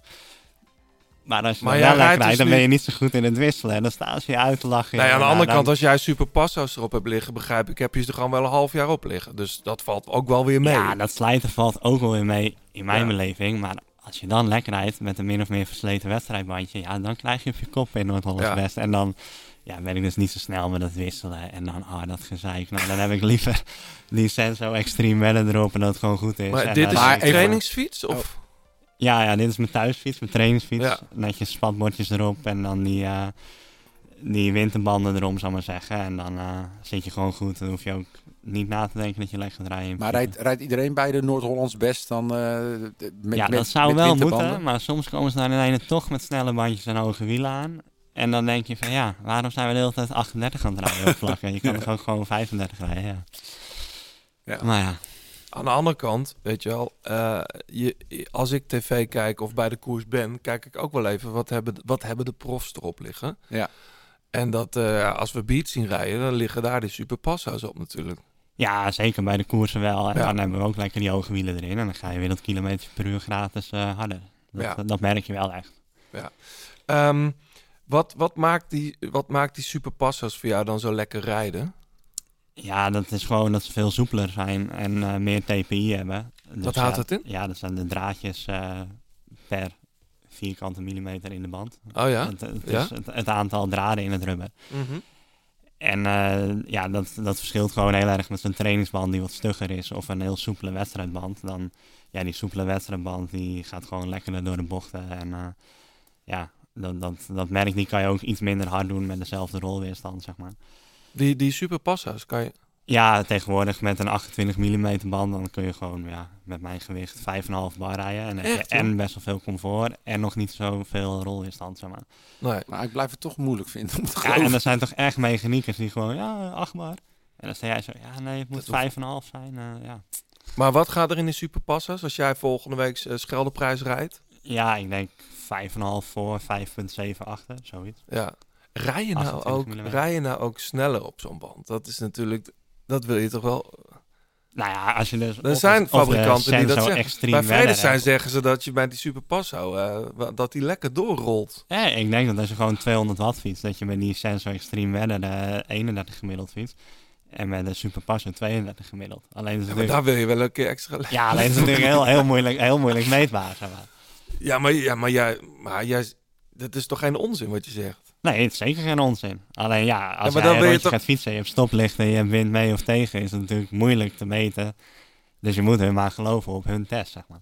Hmm. Nou, het is Wij je gaan, wij wel. gaan er ook op rijden, Om het, om het een beetje voor leken uit te leggen, ik denk hoe, hoe soepeler een band is, hoe lekker die loopt, hoe kwetsbaarder die is. En dat is logisch. Ja, natuurlijk. dat is heel logisch. En het is de kunst, denk ik, om de balans te vinden tussen comfort, lekbestendigheid en eh, snelheid. En, en dat is wa- waar je op dat moment voor kiest. En ik kan me voorstellen in de winter, Jury is hier op de fiets heen gekomen, 75 kilometer of zo. eh. Ja, ja. ja, nou ja, dan wil je niet onderweg twee keer aan dat wij dan moeten wachten op hem. En ten tweede, Ja. dat je daar met koude handen zijn band staat te wisselen. Kijk, het is Dus, natuurlijk eh, ook niet zo per se gezegd dat je lek rijdt met een soepelere band. Nee, Maar ik wou net kijk, zeggen. als wij natuurlijk tussen de 20 en 25 uur in de week in slecht weer fietsen, ja. dan heb je wat meer kans als iemand die 10 uur in de Maar week dan zeg je alleen toch mooi weer. eigenlijk tegen mij als fietstoerist... Ga Pak die snelle band. Ga, pak die snelle band. Want, Pak die super ik bedoel- passo en als het regent niet naar buiten gaan. Ja, toch? Ja, zeker. En dan rijd ik gewoon Dat is best 32 gemiddeld. Best advies gewoon. Ja. Ja. En de Eh, skinwall. Ja, dat vind ik wel fijn. Wij gaan erop reis, John. Ja, zeker. Eh, en eh, onze luisteraars kunnen ook een, een bandenset, een Superpasso bandenset winnen. Moet je heel even kijken, ook eh, even naar de site gaan, vredestein.nl. Ik had vanochtend zelf al even gekeken. Dan ga je naar fietsbanden en dan staat die Superpasso. Kun je precies zien welke maten, ba- bandbreedtes er zijn. En kleuren, ze komen ook in verschillende kleuren. Ja. Ehm, als je denkt, hey, eh, ik, ik zou ook wel eens op zo'n Superpasso willen rijden. Eh, laat ons dan weten waarom eh, jij eh, kans zou willen maken op, op zo'n bandenset. Goede verhalen. En dan bepaalt het lot wie wint. Nou, Nee, goed verhaal. Nou, goed verhaal. Ja. Maar goed, uiteindelijk zullen er vast wel goede verhalen komen. Ja, nou, ik ben benieuwd. Ik ben de curator, dus Oh, jij, ja. doe je best. Ehm, we gaan, eh Jori, ehm, naar Vlaanderen. Jij rijdt hem niet zondag, je rijdt Scheldeprijs. Ik wil toch even met jullie ehm, even naar de zondag. Hoe, eh, hoe, ga, jij hem, hoe ga jij hem bekijken, Jori? Ga je, moet jij nog trainen s ochtends? Of, eh, Ja, eigenlijk moet je om tien uur voor de buis zitten. Nee, ik denk wel dat ik ga trainen. Want als je om. 10 uur voor de buis zit, dan eh, wordt het ook wat saai na 3, 4 uur. Maar die eh, eerste ontsnapping wil je toch wel zien meestal. Dat is altijd ja, ja, zeker. Dan, eh, dat is altijd een heel gevecht. Zeker in zo'n koers als Vlaanderen. Dat is echt wel mooi om te zien. Ja. En als eh, bijvoorbeeld Fabio van der Bossen, mijn maatje van Gent, en dan voor de derde jaar op reis zou flikken dat hij weer mee zit. Ja, dat, dat- als kenner, dan zit ik wel Tuurlijk. even te kijken. Maar ja, zodra je de Maria Borrestraat hoort, dan moet je toch al lang voor de tv zitten. Vind ik. Ja. Ja, als je dus van 10 tot 1 zelf fietsbewijs van en dan om twee uur klaar zit voor de buis, dan, dan ben je wel op tijd. Ja, dat betwijfel ik, Jorin. Eh laat eventjes resume. We hebben, we hebben dus zondag de, voor de 107e keer de Ronde van Vlaanderen. We vertrekken voor het eerst sinds 2016 weer uit Brugge vanaf de Grote Markt. Om 10 uur klinkt daar het startschot. Ehm, de aanloop richting de heuvels is dan wel anders en eigenlijk wel wat saaier gewoon. Ehm, er zijn 19 hellingen. Uiteindelijk rijden ze 273,4 kilometer, gaat het me aanstaan.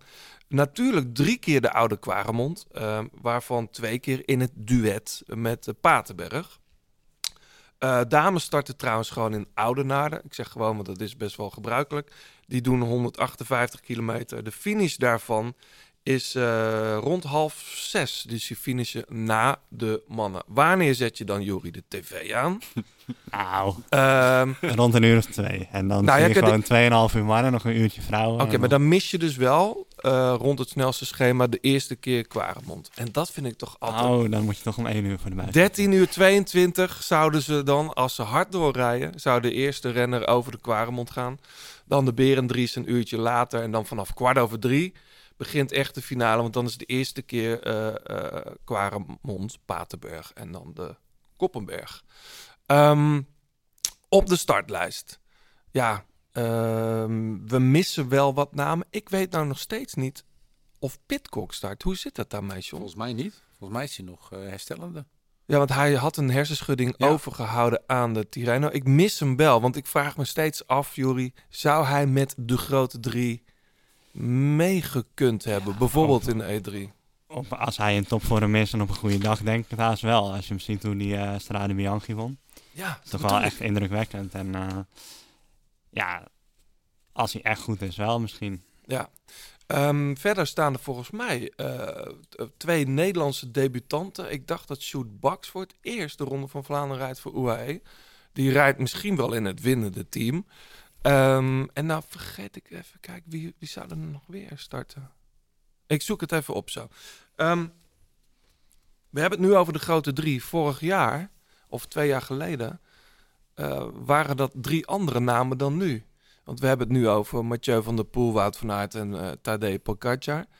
Alaphilippe, daar hebben we het niet meer zoveel over. Hij rijdt vandaag wel, woensdag dus, op, eh, in dwars Vlaanderen. Wat is er met hem aan de hand? Ja, ik ben bang dat hij gewoon net iets minder goed is dan die andere jaren. En hij is natuurlijk, denk ik, ook nog een nog betere renner in wijs van de Waalse Pijl. Ja, En dat hij echt 100% moet zijn om in Vlaanderen mee te kunnen doen. En dat hij dat nu net niet is. mhm. Maar ja, die, die nu grote drie zijn echt wel heel uitzonderlijk. Want Pogacar is natuurlijk ook wel iemand die echt uitzonderlijk hard kan fietsen, zeg maar. ja. Ik, ehm, eh, ik zat laatst even te kijken. Jumbo-Visma heeft bijna alle Vlaamse klassiekers, behalve Brugge de Pannen, eh, gewonnen. Ehm, daarvan was maar één wedstrijd, eh, de E3 namelijk, een wedstrijd waar Mathieu en Pogacar ook aan de start stonden. Eigenlijk begint het nu pas, toch? Het gaat toch om zondag? Nou ja, maar het gaat toch om die ronde van Vlaanderen en, en Roubaix voor die, voor die jongens. Nou ja, ik denk dat het voor Van Aert... eh, hij zegt natuurlijk, eh, ik moet juist niks. En eh, hij trekt zijn eigen plan. Ja. Ja, kijk, hij, hij moet gewoon een keer die Ronde van Vlaanderen en Parijs-Roubaix op zijn eerlijst gaan Ja, schrijven. ik, ik vind dit dus wel grappig. Dit is dus precies waarom hij zegt, ik moet juist niks. Ja. Dan Ja. denk ik, ja, die jongen heeft zoveel gewonnen. Allerlei soorten ritten in de Tour de France, de groene trui, allerlei klassiekers al. En dan gaan wij hier zeggen, ja, hij moet wel echt een keer Vlaanderen op Nou ja, dat- ja. dat- Wat is dat nou? Ik denk dat hij... Voor Maar hij wil het zelf ook heel graag. Ja, en dat- dat daarom reageert hij natuurlijk ook Ja. zo van, ik moet juist niks. Hij wil dat zelf al veel te graag. Ja. En dan gaat, ja, Tom Bonen mag het voor mij bijna wel zeggen, omdat hij het zelf allemaal gewonnen heeft.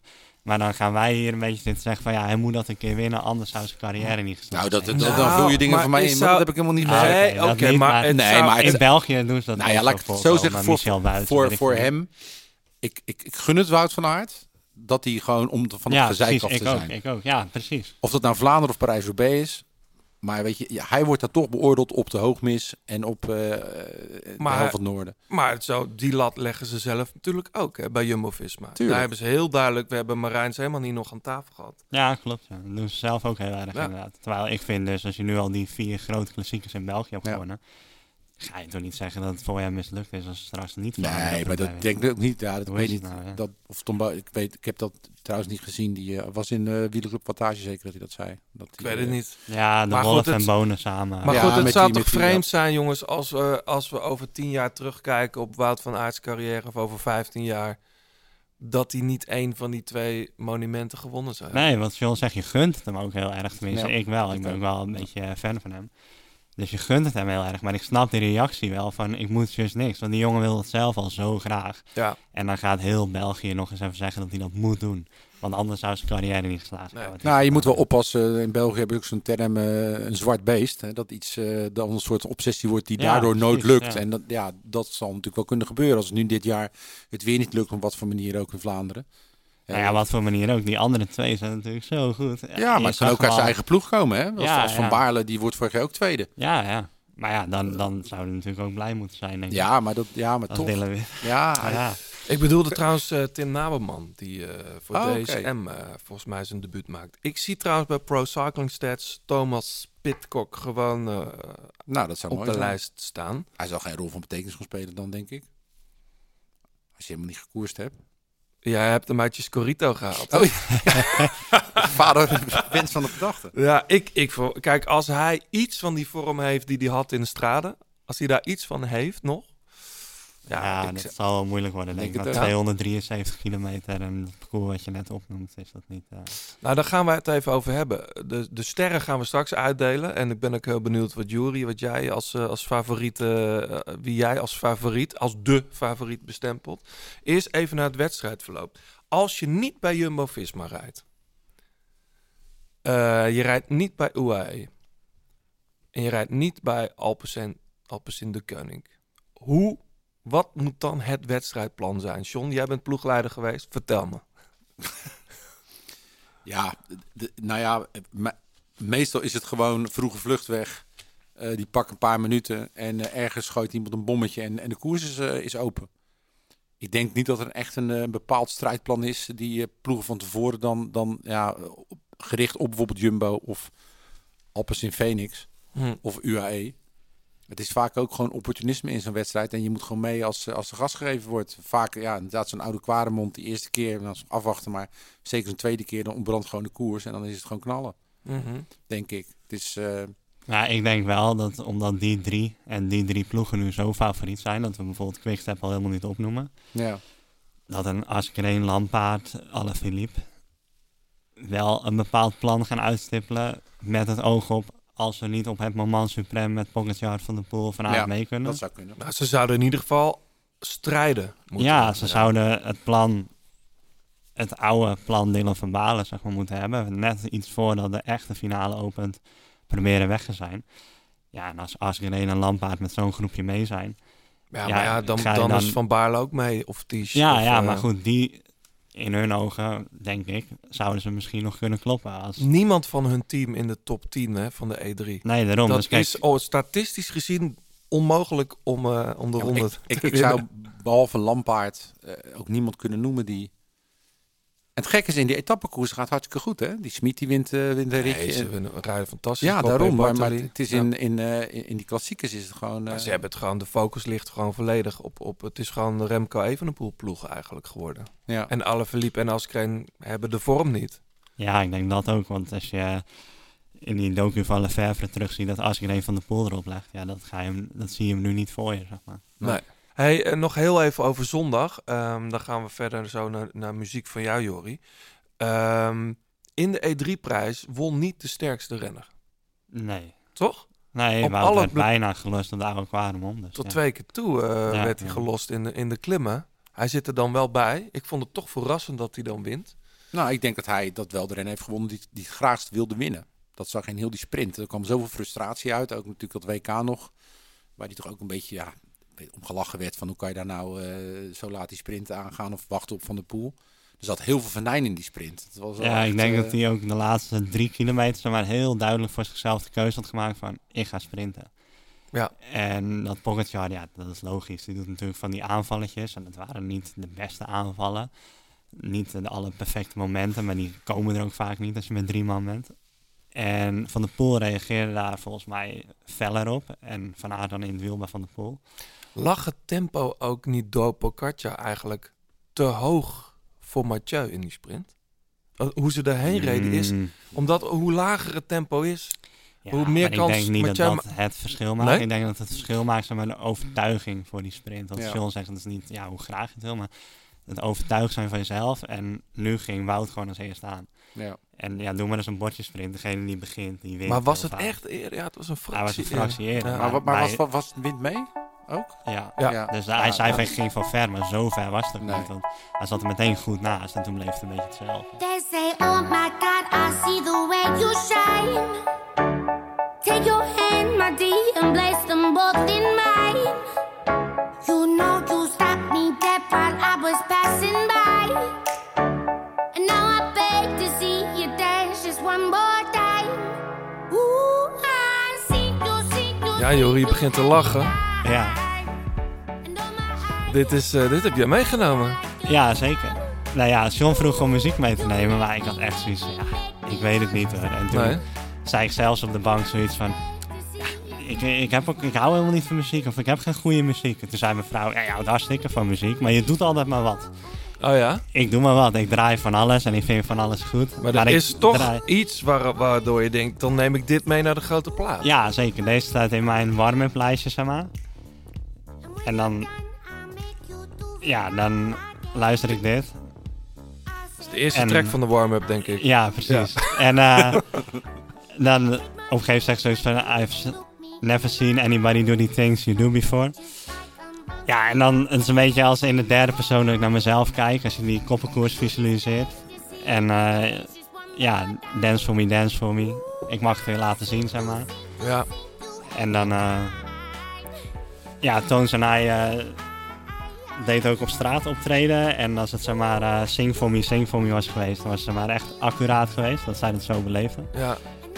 Ja, en ik heb zelf ook wel echt vaak het gevoel van, oké, nu moet ik het weer laten zien. Hè? Al die mensen dance for me. Ah, als, een soort, En- als een soort tijger die een trucje in Ja, het als circus een, als een moet doen. aapje in het circus. Wij zijn die aapjes in het circus in die zesdaagse. En ik vind dat niet erg. Ik geniet daarvan dat er eh 6.000, 7.000 man in Gent of Rotterdam naar je zitten kijken. Ja. Maar in de opwarming om even in die modus te komen van oké, ik moet en zal het straks weer gaan laten zien. Dat, eh, daarom zit dit nummer.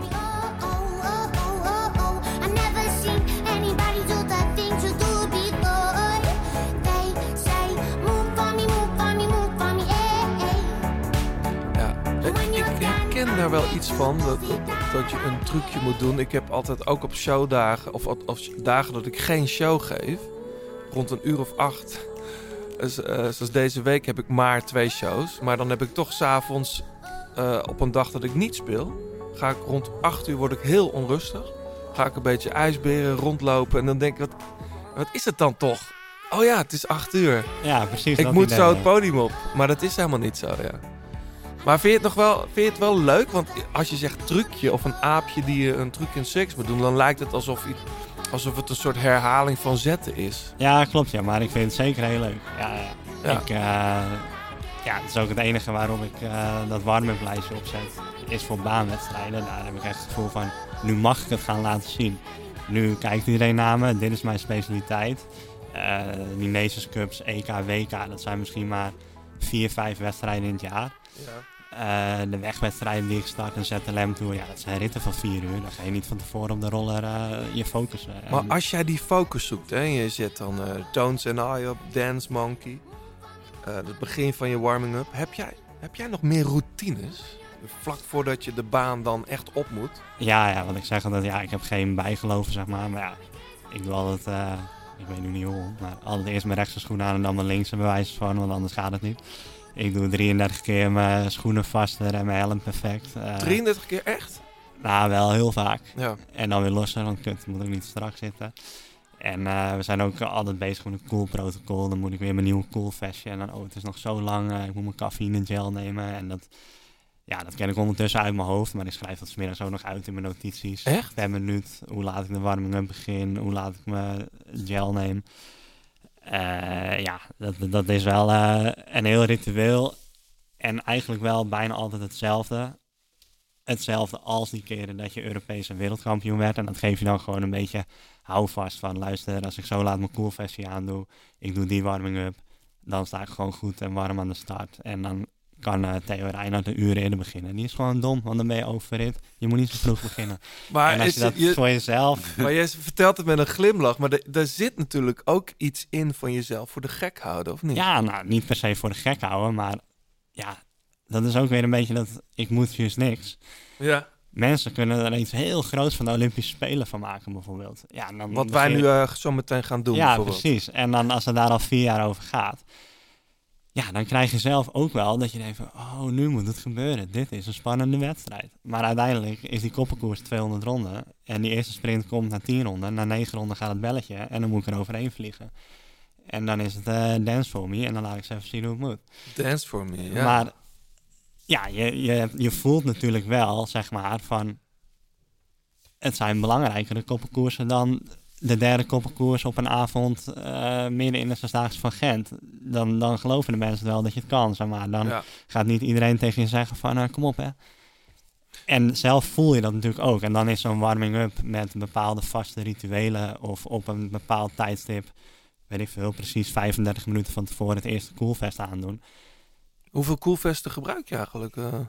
Eh, ja, het worden er meestal vier, maar in mijn hoofd zijn het er drie. Eentje Maar- net voor de warming-up. Maar even, dan- even, dat gaat niet om de temperatuur, omdat het in de, in de hal zo heet is, toch? Ja, wel. Oh, toch wel? Eigenlijk ja? wel. Het is dus eigenlijk standaard 28 graden in die wielenbanen. Omdat je bij 28 graden ja, gewoon Vandaar harder- dat de mensen daar altijd zoveel zuipen. Dat is Ja, het, ja.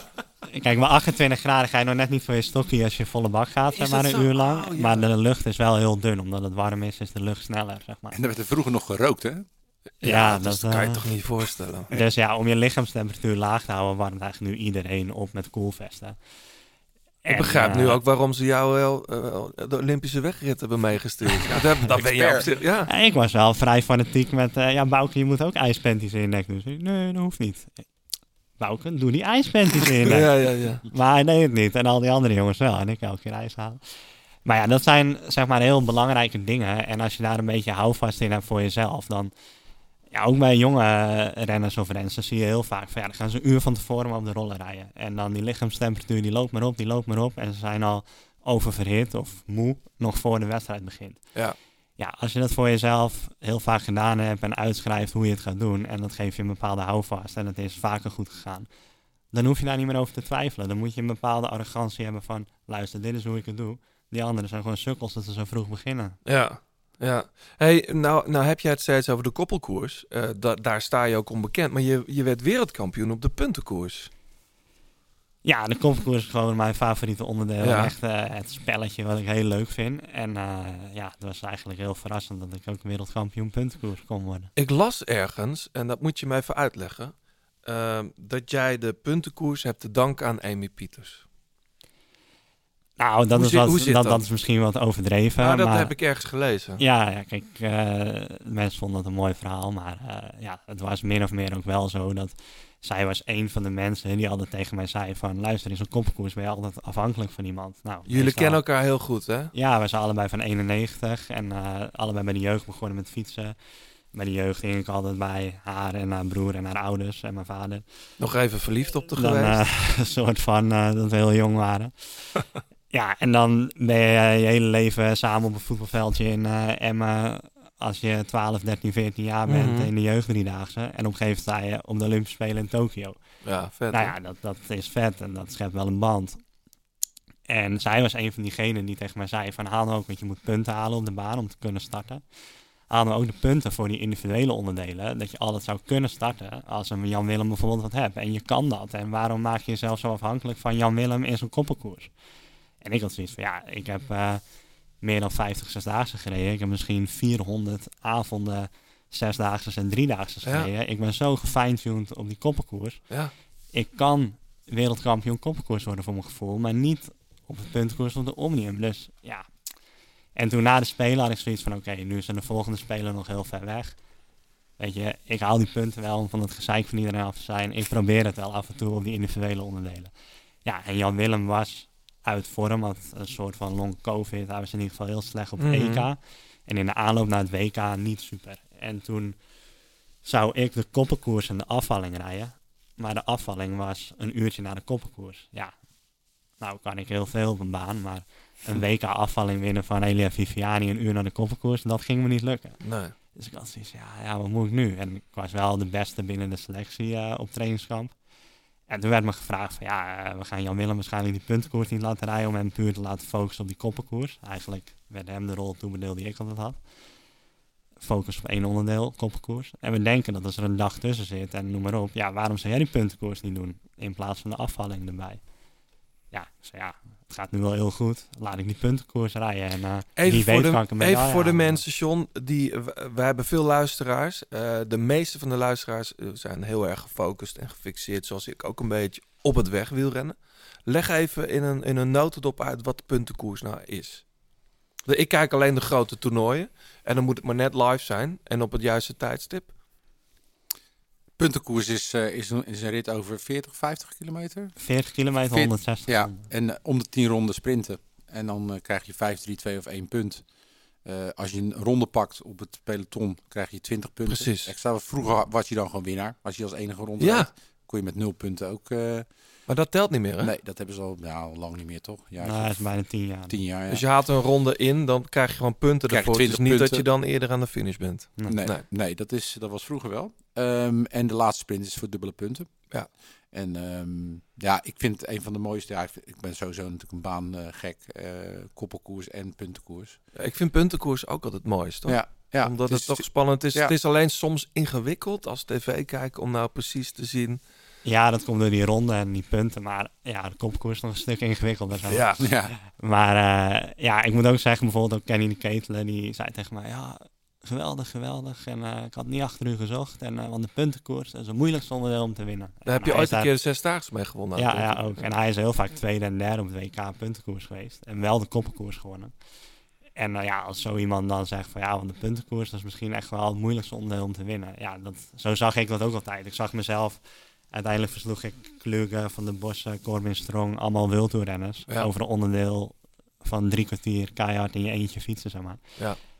Ja, ik had niet gedacht dat ik dat kon en des te trotser dat het maar over, over toeval, want je zegt natuurlijk net van het, het hing van toeval aan elkaar. Eh eh, Vincent Hoppenzak, is, die had al een bronzen medaille op die puntenkoers. En ja, dat was eigenlijk een beetje de nieuwe puntenkoersman. En die ging naar het Omnium toe. Dat maakt het ook voor jou toch de weg vrij? Ja, ja, die reed de dag daarna het Omnium. Dus Ja. die reed eigenlijk altijd al het Omnium eh, waar hij zich ja, op mocht focussen. En dat is ook wel ja, het Olympisch onderdeel. En zo moeilijk dat je niet de avond ervoor nog even de puntenkoers Nee. gaat doen. Dus dat was eigenlijk Jan Willem die erop stond en die er afgehaald is. Ja. Maar eh, ja, het hangt natuurlijk nooit van toeval aan elkaar dat je wereldkampioen wordt. Want ik heb me daar wel al... Nee, ook- maar om de, de, weg ernaartoe. ja, hè, precies. ook dat- al Dat zeg maar, sinds Ja. die vorige spelen en op aanwijzingen van een Amy of Maddie Cordy, die bondscoach was voordat Nick het was, eh, die me heel veel zelfvertrouwen gaf. In de zin van, ja, je bent zo goed in die koppenkoersen. Ga nou eens individuele nummers proberen te winnen. En ik denk dat ik iets van negen UCI-wedstrijdjes al voor het WK had gewonnen op het Omnium of de puntenkoers in die zes maanden ervoor. Ja. En ja, dat ik dan uiteindelijk in de puntenkoers aan de start kwam in plaats van de afvalling. Ja, dat is pas drie Hmm. weken ervoor besloten. Maar ik heb me wel al ja, meer dan een jaar sinds die andere, sinds de vorige Olympische Spelen, natuurlijk echt meer op die individuele onderdelen gericht, ook in training. Hoe gaat het dan straks eh, richting de Spelen? Want de Spelen zijn 2024 hè, in Parijs. Ja, ja. Nou je ja, kijk, niet de wegwedstrijd, dat weten Nee, we nu nee. al. Nou, ik heb net toevallig weer een, zeg maar, een slecht omnium in Cairo achter de rug. En eh, ja, ik was heel ziek geweest in Jakarta. En achteraf zag je in mijn bloed dus ook eh, dat ik daar gewoon echt nog last van gehad moet hebben. Ik had Mm. slechte bloedwaardes, waarom ik Olympisch Tour moest skippen. Maar na Cairo had ik echt weer zoiets van, ja, Jan Willem of Vincent doet het omnium maar, ze zoeken het maar uit. Hm. Ik richt me op die koppenkoers. Want kijk, in mijn ogen is het wel zo, als je vijf wereldtoppers voor het omnium noemt, ja, dan noem je Ethan Hayter, Benjamin Thomas en dan pff, sta ik daar niet bij. Noem je ze voor de koppenkoers, ja, dan sta ik daar wel bij. Dat is gewoon nog steeds mijn inspanning, mijn trucje. Ja, daar, sinds het WK was in Parijs, sinds ik daar wereldkampioen geworden ben op die baan in de puntenkoers. En Mm. sinds we tot redelijk kort voor het einde op winst lagen in die koppenkoers, geloof ik echt dat we Olympisch kampioen en zeker een medaille kunnen halen op de koppenkoers in Parijs. Word je aangewezen of moet je je selecteren nog? Hoe werkt dat eigenlijk? Ja, je moet je plaatsen qua Ja. punten als land zijnde. Ja. En vervolgens moet je eh, geselecteerd worden. Maar eh, ja, we zitten eigenlijk met drie man daarvoor in de race. Met Jan-Willem van Schip, eh, Vincent Hopperzak en ikzelf. Ja, en ik heb wel het zelfvertrouwen dat ik uiteindelijk bij de beste twee van die drie ga horen. Ja. En ja, het is eigenlijk een luxe dat we nu drie man hebben die een hoog niveau halen. En ja, dat ik ook denk dat we met twee van die drie... En tot vorig jaar zag ik dat vooral met Jan-Willem voor me. Dat Jan-Willem en ik kunnen gewoon echt een medaille halen op de kopkoers. En misschien kan het met Vincent ook wel. Maar wij alle drie hebben denk ik minder kans op een medaille op het Omnium. Ja. En vandaar die focus toch weer op de kopkoers. Maar, er is toch ook een plannetje geweest dat Dylan ook erbij zou komen? Van Baarle? Van Baarle. Ja, ja, klopt. Dat plannetje had eigenlijk eh, vooral Dylan zelf eh, in zijn achterhoofd. En eh, ja, dat appte hij naar mij en daar werd ik ook heel enthousiast van. En toen hebben we op 8 en 29 december twee wedstrijden in Kopenhagen gereden. En eh, in Kopenhagen en Odense. En de eerste dag in Kopenhagen was een 100 kilometer Madison. En daar wonnen we voor Murkoff Hansen, de huidige Mhm. Olympisch kampioenen. En derde werden Kluge Reinhardt, de huidige Europees kampioenen en de laatste twee Nation Cups winnaars. Dus ja. eigenlijk jij met Dylan van Baarle. Ja, dus dat zagen we helemaal zitten, zeg maar, op dat Richting. Olympische Spelen. Ja, kijk, eh, wielrenners of topsporters zijn heel opportunistisch. Tuurlijk. En toen dachten wij van, ja, gaan we doen. Maar dit heb ik nog nooit. Dit is nieuws voor mij. Ja, Dylan die vond het gewoon heel leuk om te doen. En eh, ja, we zijn ook Nederlands kampioen kopkoers geweest al Ja. vijf, zes jaar terug. En eh, hij wilde weer graag op de baan fietsen. En ja, we gingen dat zomaar even doen. En toen ging het meteen heel goed. En dan Maar vinden ze dat bij Jumbo Visma een goed idee? na vijf dagen later, op denk ik 2 januari, belde Marijn hem dus van, joh, de baanrennen, hartstikke leuk, maar we gaan er weer mee stoppen. Ja, ik snap eh, Jumbo ook wel als ze zoveel aan hem betalen dat ze niet willen dat hij eh, risico's neemt. het is geen beat. Het is geen beat cycling club. Nee, eh, ja, kijk, je moet, of zal ook een keer naar een Milton Canada gaan we straks nog, had hij dan eventueel heen gemoeten. Hmm. Ik ben in Jakarta en Cairo geweest, daar heeft hij natuurlijk ook niet elke keer de tijd voor. Maar aan de andere kant doet Ethan Hater, Elia Viviani, die doen dat soort dingen ook. En ik denk wel dat het had gekund en dat het sportief heel mooi zou zijn als hij een Olympische medaille haalt.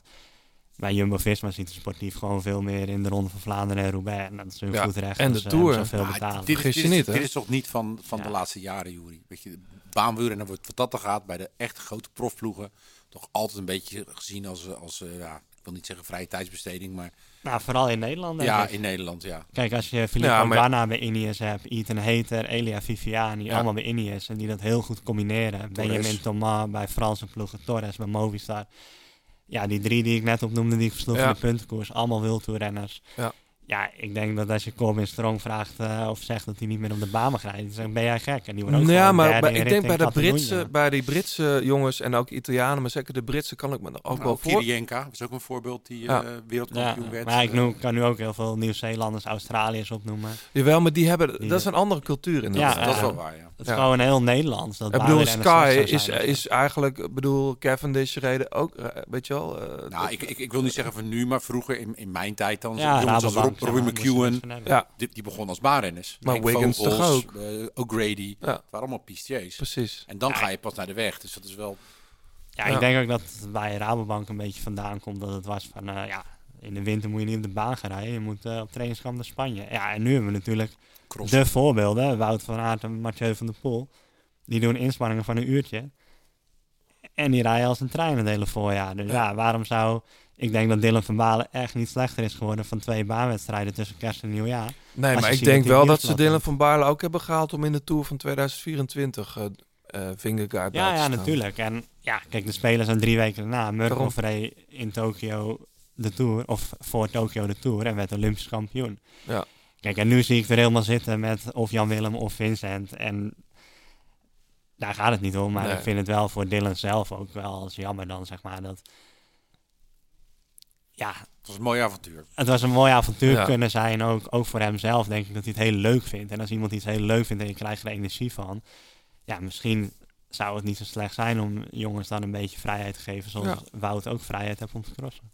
Hey, even iets anders nog. Eh, De naam viel natuurlijk al een paar keer. Hoe, hoe is het met Amy Piets eigenlijk? Heb jij contact met haar of met de familie? Hoe, hoe, eh, hoe gaat dat eigenlijk? Ja, eind vorig jaar ben ik twee keer langs geweest en dan, Mhm. eh, ja, ik vind dat wel moeilijk om te zien, moet ik eerlijk zeggen. Tuurlijk. is, ja, je maatje net zo oud als mij.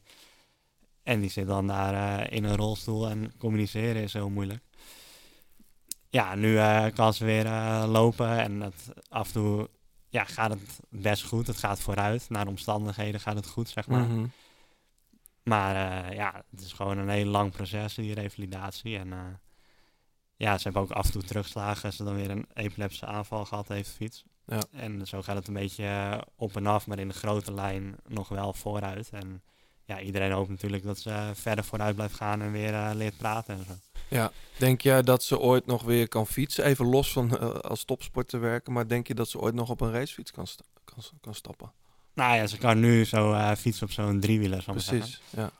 of dat ooit nog een racefiets wordt, ja, geen idee. Ik weet ook niet of dat het belangrijkste Nee. is. Ik denk dat het belangrijkste is dat ze zeg maar weer normale manier een bakje koffie kan drinken en eh, eh, kan praten en lachen. En, en dat, dat gaat nu wel steeds beter. Dat ze begrijpt iedereen steeds beter en lacht om eh, dingen.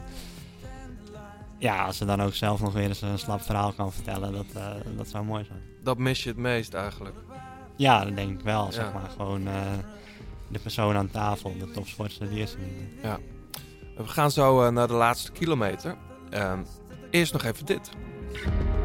What about the ceiling fans? What if we move back to New York? What about the moon drop light?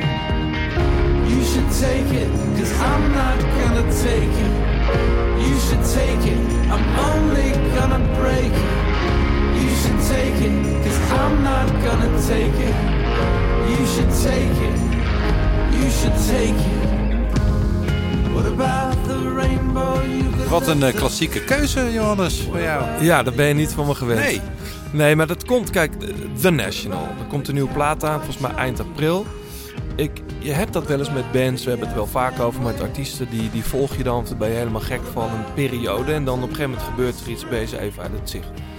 Eh, dat, zo, zo is dat met The National eigenlijk bij mij ge- gegaan. Ik, ik volg ze echt al heel lang, vanaf eh, die Alligator eh, EP of plaat. Volgens mij daarvoor al. Ehm, ik, heb, ook, ik heb ze veel live gezien. Speelde ook vaak op festivals waar, waar ik ook speelde. Eh, en toen ben ik ze toch een klein beetje kwijtgeraakt. En toen hoorde ik Eucalyptus, wat je nu hoort. Die song. You should take it. You should take it. You should take it. En die was eh, voor mij ineens wel helemaal raak. Hele mooie, eh, wel echt The National. Maar toch wel een atypische song. You should take it. Mooi liedje. Spelen ook volgens mij eind van het jaar in Nederland. Zag tenminste, ik hoorde mensen om me heen die kaart hadden voor, eh, ik denk de Ziggo Dome of zo. Ja, zeker. I don't want it. Je luistert nog steeds naar De Grote Plaats. Alle liedjes in deze en vorige afleveringen luister je in zijn geheel terug in de playlist De Grote Plaats Songs op Spotify. We gaan eh, naar de laatste kilometer. Jury, in de laatste kilometer, wat wij altijd doen, is eh, ja, je beenstukken uit, eh, armstukken weg, jasje uit, koelvest uit. Ehm, we gaan naar de finale. Eh, we hadden het er net al even over hoe je zondag Vlaanderen gaat kijken. Eh, rond een uur of half drie, bij- of eh, drie uur gaat de tv bij jou aan. Dan heb je getraind. Ja, twee uur zei ik, maar dat vond jij nog Ja, te laat. ja, tien voor half twee zou ik doen. Ja, Ja. zou ik doen. Eh, hoe ga jij kijken? John, die gaat er niet heen, of wel? Nee, ik, ik ga Nee. nooit naar koers. Nee. Nee, ik ga bij een, eh, bij een Belgisch eh, vriend ga ik kijken. Leuk. Die eh, met eh, lekker een, eh, met een biertje erbij. En, Patatje stoof. ja, misschien wel. Ja. Wordt wel, wordt wel leuk. Ik heb er echt heel veel zin in. Ja, hey, we hebben net al veel gesproken over de mannen. Ik zou heel even met, met de vrouwen willen beginnen. Ehm, van Vleuten is terug van haar berg. Samen met Floortje Makkay, die trouwens zeer binnenkort ook weer is Ik heb aan- trouwens wel nieuws over Anneliek van Vleuten. Nou? Nou ja, die Ja, is... ze appte jou. Ja, want zij is een, een vervent luisteraar van onze podcast. En Mhm. eh, ik had dus gezegd van ik hoop dat ze niet stopt. En eh, toen appte ze van eh, ik ga echt stoppen hoor. Maar dat is toch geen nieuws? Nou ja, ik had misschien denk ja, weet je, spelen. Ik bedoel, eh Tokio was natuurlijk niet de allergezelligste spelen volgens mij. Dus Nee. ook met die wegwedstrijd. Niet helemaal lekker. Nou, Rio over te- niet eens over te hebben. Lekker Nee. dichtbij. Maar ze zei van ja, het is, het parcours is gewoon niet lastig genoeg. En eh, ze is toe aan een andere uitdaging eh, in het leven. Dus het is echt, eh, nou ja, jammer. Ik vind het niet verrassend. Nee, maar, eh, ja, de wens was toch een beetje de vader van de gedachte. Ik, ik kan me niet voorstellen dat er geen Annemiek van Vleuten meer in het peloton. Dat is Nee. toch, eh, zou toch raar zijn. Nee, zeker. Maar goed. Nou, ja, over, over Annemiek gesproken, ze rijdt dus Vlaanderen. Ehm Floortje Makkay ook, die was ook op de, op, de- op de tijden, volgens mij zaten ze. Ja, lekker warm. Ehm, ik heb haar wel maar meteen gewoon de, de drie sterren, want dat zijn de meeste bij ons. En we gaan van 3, 2 naar 1. Ik heb Annemiek eh drie sterren gegeven, uiteraard wou ik zeggen. Uh, Reuser ook, of Reuser. Ehm, die natuurlijk prachtig won. In, eh in Gent-Wevelgem nog even verkeerd reed. Maar ja, die was zo sterk. Ehm en Kopecky. en onzeker. En Kopecky. Ja. Ehm, die staan bij mij als de favorieten. Hoewel ik eh Nivea Doma ook erg goed vond in Gent-Wevelgem. Maar die er volgens mij op een gegeven moment ook weer bij. Die wel sterk terug even. Roxanne, Roxanne Kneteman noemde het steeds, had het steeds over de Belgische spleet waar ze in reden. Dat zijn, natuurlijk- dat zijn natuurlijk die be- de betonplaten. Nou, er was er eentje van die ploeg van, eh, van, eh, van Knaven die reed in, in, in zo'n spleetje. Toen, Nou, dat bedoel ik. Ja, dat was ja ook, en eh, Wiebes was, had wat onfortuin. Ja. vanuit de modder weer de dat weg op. pech Dan hebben. kon zij toch... Nee, Ja, dat kun je... Dat, Ja, dat doet... vond van wel. Dat is ook- Ja, valt dan, ja. Maar goed, ik eh, vond het trouwens verrassend. Ik had verwacht, en misschien is het wel zo hoor. Shireen van Androoy, ze zou eigenlijk bij ons aan tafel zitten na de Trofea Binda. Die ze gewoon verdomme nog wint ook. Ja. Eh, maar die werd vervolgens door ziekte en allerlei dingen, moest zij eh, toch ook weer... De pannen an- moest ze rijden. De pannen denk ik rijden. Is heel dik in vorm. Stond nog niet op de lijst voor Vlaanderen, maar dat zal toch haast wel. Ja, ze was wel een knechtenrol, viel me op. Ja, ja dat, zou je, dat zou je bijna niet... Ze zou bijna als beschermd renner eh, van start moeten gaan, toch? Nou ja, de Balsamo is natuurlijk wel de, het speerpunt eh, in, in die ploeg. Jawel, maar in Vlaanderen. Ja, Ik bedoel, eh, ook. Ja? Nou, zullen we naar mijn sterren gaan? Van de, we hebben het over de dames nog steeds, Ja, hè? wat Ja. dan? Nou, ik heb de, ik heb de één ster nog niet gehad. Oh, dus ik zou Nieuwe. Jadoma geef ik twee sterren. Als Sherien start ook twee. Eh Floortje Makkar krijgt ook één ster. Want die kan stiekem toch best wel gaan verrassen. Ja. Eh, Demi Vollering heb ik er ook bij staan. En Marianne Vos doet weer mee. Is Oh, ja. geopereerd, begreep ik. Ja. Is dat die, die, die, die wielerkwaal Ja, zeker, die, die iedereen Die op gegeven slagader. Ja, hè, daar zit dan iets klem waardoor je niet, eh, waardoor je doorbloeding niet meer. Ja, gewoon minder kracht hebt. Ja. Dus daar heeft ze dus een anderhalf, twee jaar mee rondgereden of zoiets. Ja, ja. En ja, vaak hoor je dat op het einde van een carrière dat het, eh, dat het gebeurt. Tenminste, als je, wat, niet, eh, als je 19 bent. Mhm. Dus ja, afwachten. Ja. Wel fijn dat ze, Zeker. Dat ze, weer, dat ze weer fietst. Ja. Ehm, ze werd de laatste, was dat... Nee, Trofea Binder race nou wel of niet? Weet ik niet meer. Maar goed. Ja, jouw sterren dan, John. Eh, Nou, ik, ik heb eigenlijk, ik had ze voor dit weekend eigenlijk al een beetje op een rijtje gezet. Ehm ja, Kopecky, nou sowieso natuurlijk als winnaar van vorig jaar. Van Vleuten, ja, is eigenlijk op niets gebaseerd. eh, maar ja, dat, die staat... niets, het is gewoon op Annemiek van Vleuten gebaseerd. Dat, dat Ja. is het, ja. En die komt natuurlijk net weer van, eh, van, de, van de hoogte af. Eh ja, Reuser is denk ik wel de, de vrouw in vorm. Ook ehm, eh, is wel een geviseerde renster nu. Ja. Met die, met die overmacht. Dus ik weet niet of ze nog sneller... Ik vond wel dat, dat apathisch in dat peloton. Dat, bij die vrouw, dat snap ik toch niet hoor. Dan rijdt er één iemand voorop. En dan zit heel die, die Jumbo-Visma-ploeg zit gewoon in het wiel. Er rijdt niemand. Ja, maar ik denk, zijn ze ook niet zo... eh, ja, ja, ze voelen toch ook wel aan dat SD Works is zo sterk. Nou ja, maar er zijn twee ploegen wel aan het rijden. Dan zet je Hmm. toch e- eentje erbij. Ja. Ja, goed, dat, maar dat is een ander, ander verhaal. Ehm, dat zijn mijn, dus mijn, mijn, mijn favorieten zijn eh Kopecky, Royce en Balsamo. Omdat die, ja, als het een sprint wordt, dan zal zij er echt wel bij zitten. En in het verleden heeft Conny de Ver natuurlijk ook gewonnen daar. Dus dat zou in principe makkelijk kunnen. Ehm nou, van Vleut heb ik dan twee sterren gegeven. Maaike van der Duin, vind ik goed rijden. Ja, Ja, dat heb ik. De, echt eh, ook goede ploeg natuurlijk. Bij Canyon, eh reed podium in eh Wevelgem. Ja, en, Survivor George werd toch, eh, die werd toch tweede in... eh, Nee, die won in eh, dingen in de pannen. en Die wie, werd er nou, wie werd er nou ook weer tweede? Ja, dat was die andere van de. Oh, die, Ja, oh, die andere Amerikaans, ja, Ja, de ja. Maar ik, ze reageerden zo enthousiast dat ik even dacht, Ze zou toch wel weten dat Royce gewonnen heeft. Ja, Megan Jester is nog vrij jong en die was gewoon heel blij dat ze tweede Maar. Nou, dat- ik- ik, ik, dacht echt, die, ze denkt dat ze gewonnen heeft. Nee, maar, maar er is een groepje voor. Daar reizen natuurlijk, die verloren geloof ik een minuut in. Ja, Ja, twee maar ze kilometer. dat Royce ervoor heeft. Ja, maar dat, dat ze misschien dacht van misschien zijn er nog een paar weg. Weet je, zij wint gewoon het sprintje. Ja, zo Ze- ja. Ze, Ze op, niet zeker dat ze tweede was. Ja, ze reden En op die zei die groep, ander dus, dat ze eh, tweede was. Ja. toen, eh, Ah toen- ja, dat was het nou ja, superleuk. Nou, hartstikke ja. meiden rijden goed. En mijn, eh mijn één sterren, dat zijn ook voor Floortje eh Demi Vollering. Geen idee, komt ook van hoogte. Maar ja, die heeft dan toch iets minder kritiek blijkbaar bij mij dan, dan eh, Van Vleuten. Wat, wat zou er gebeuren als Kopecky en Vollering op kop rijden? Sprinten. Sprinten? Sprinten, ja. denk ik wel, ja. De hekken, elkaar de hekken inrijden, denk ik. Ja. En, en Lorena Wiebes natuurlijk ook. eh, Ik bedoel, als Balsamo mee kan zitten. Lorena is goed in vorm. Ja. Dus het wordt, het wordt echt wel een, eh, echt wel een, wel een spannende koers, denk ik. Het kan niet zomaar ineens ook zeggen, nou, die, eh, vorig jaar was Kopecky was eigenlijk de gedroomde winnaar natuurlijk. Die had ook, die was echt, eh, die had Strade toen ook eh, gewonnen. Dus nu is het, ja, kan het eigenlijk alle- kanten op. Ja. ja, ik denk zelf dat... ik, ik gun het Wiebes natuurlijk ook van harte. Maar die, die, die laatste keer Quaremont Paterberg... dat is toch, ja, dat blijft toch een heftig, heftig ding. Dat is misschien Ja. net Ja, aan de ja. zware kant. En de Quaremont is een... Nou ja, ze heeft Jullie toen- kennen hem beter dan ik. Dat is een rodding.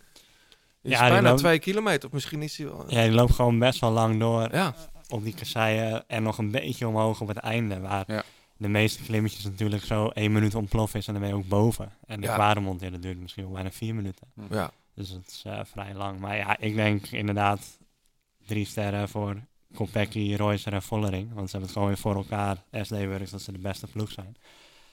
En degene die van hun ja, zo laat mogelijk als eerste weg is, zou Danny zeggen. Als je als eerste weg bent, ja, dan eh, ga je winnen. En ik Zo, denk dat zo laat mogelijk als eerste weg. Ja, kijk, je kan natuurlijk niet 100 kilometer per tijd wegrijden. Ja. Nou ja, Dus zoals, zo- zo zoals laat- Chantal ja, zo eh, laat mogelijk ooit als eerste eh, weg. Vlaanderen won. Ja. Ja, maar Chantal had daar echt een neusje voor. Zo, Ja. Net voordat eh Amy of Kopecky eraan denkt, zeg maar, pas weg zijn. Ja. Ja, en dan kunnen die er niet achter rijden en dan ben je weg. Ja, er spelen soms eh, vreemde krachten in het, eh, in het leven, maar ook in de sport. Ik vond het echt indrukwekkend dat Kopecky in, eh, was dat Nokere, eh, won.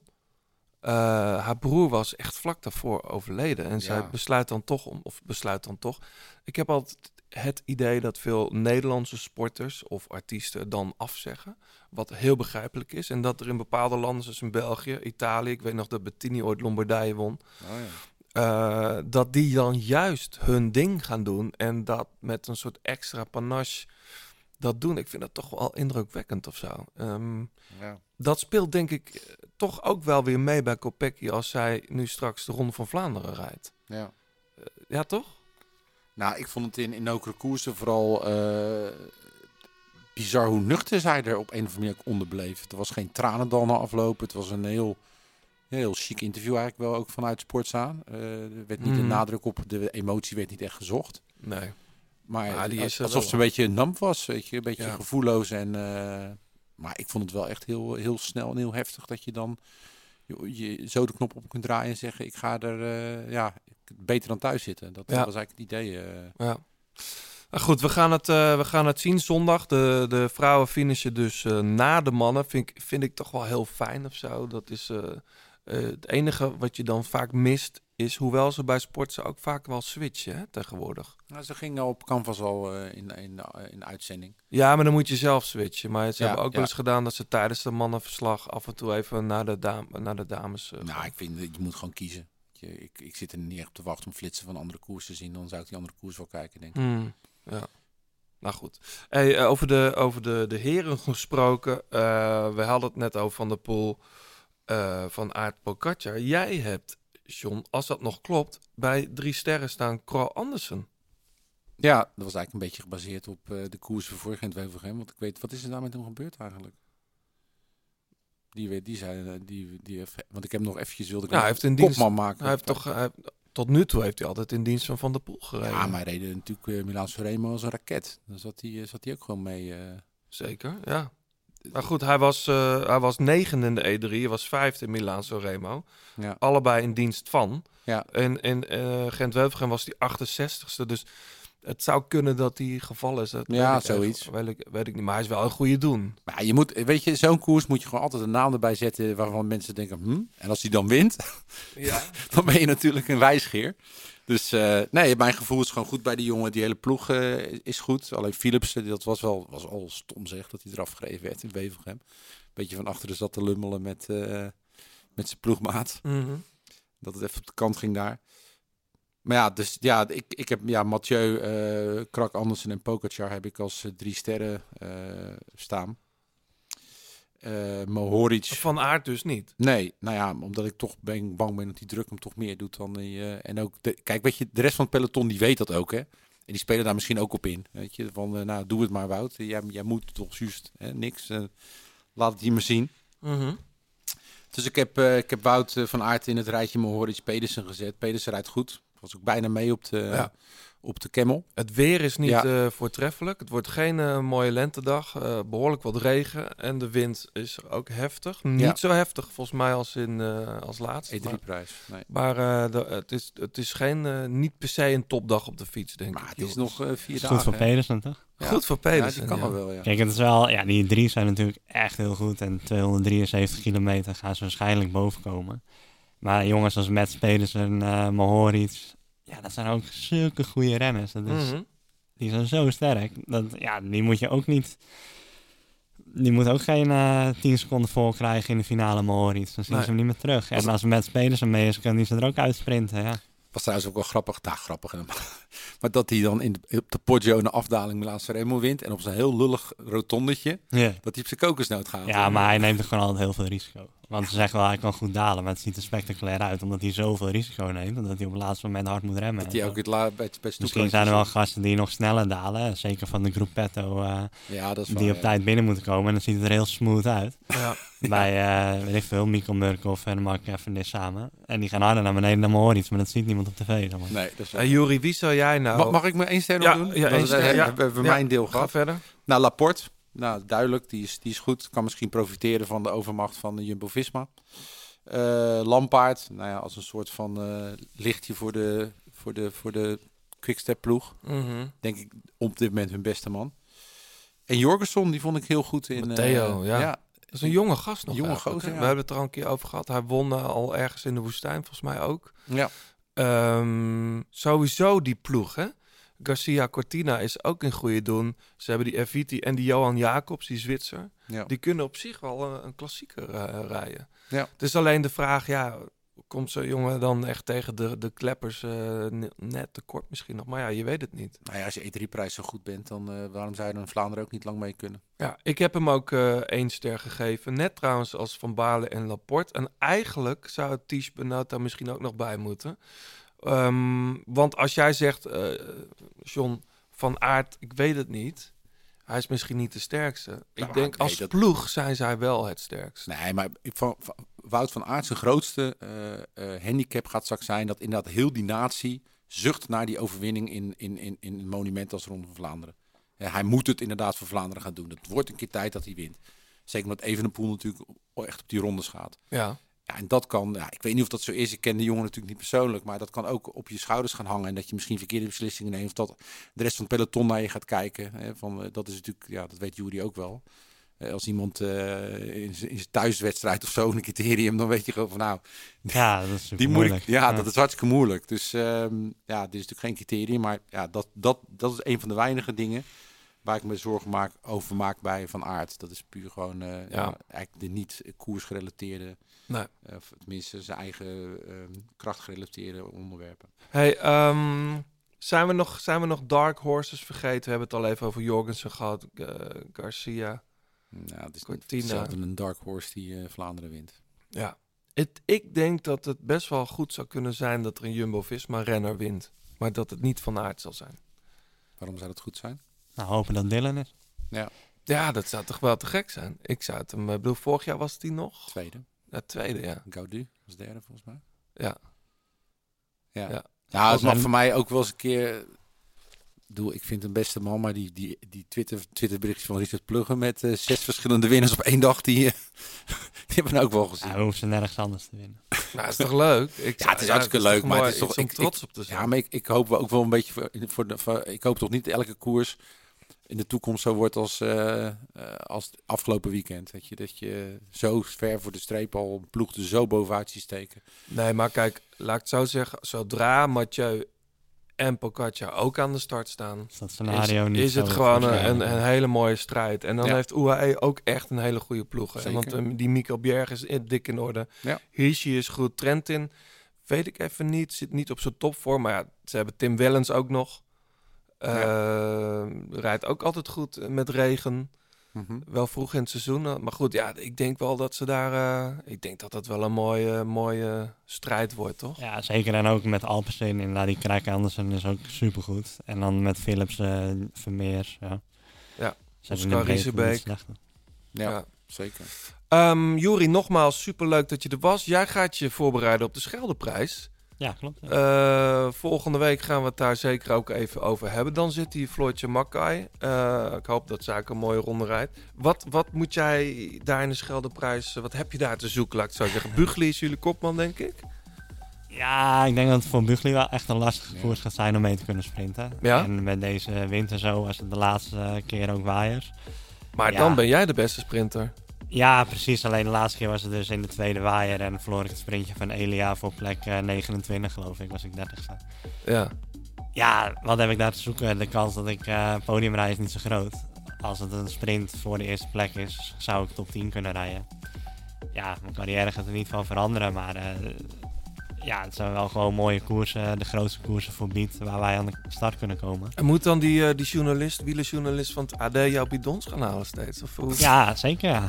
Is dat nou Dat wordt een beetje zijn taak, denk ik. nee, maar eh, ja, we gaan gewoon ons best doen en hopen in die eerste waaier te zitten. En eh, wel een top 10 te sprinten. En dat zou een super mooi resultaat zijn voor Beat. Ja, en eh, Hoe, hoe, komt het trouwens dat ze nou zo vaak vallen in de sprint? Ja, geen idee, daar ben ik is niet dat van toch plan. helemaal niet? Ja, ik denk omdat het als het een windstille dag is en een echte massasprint is, dat er dus gewoon te veel ja, Juriavers van 20 jaar tussen zitten die gewoon helemaal gek zijn en Ja. niet remmen.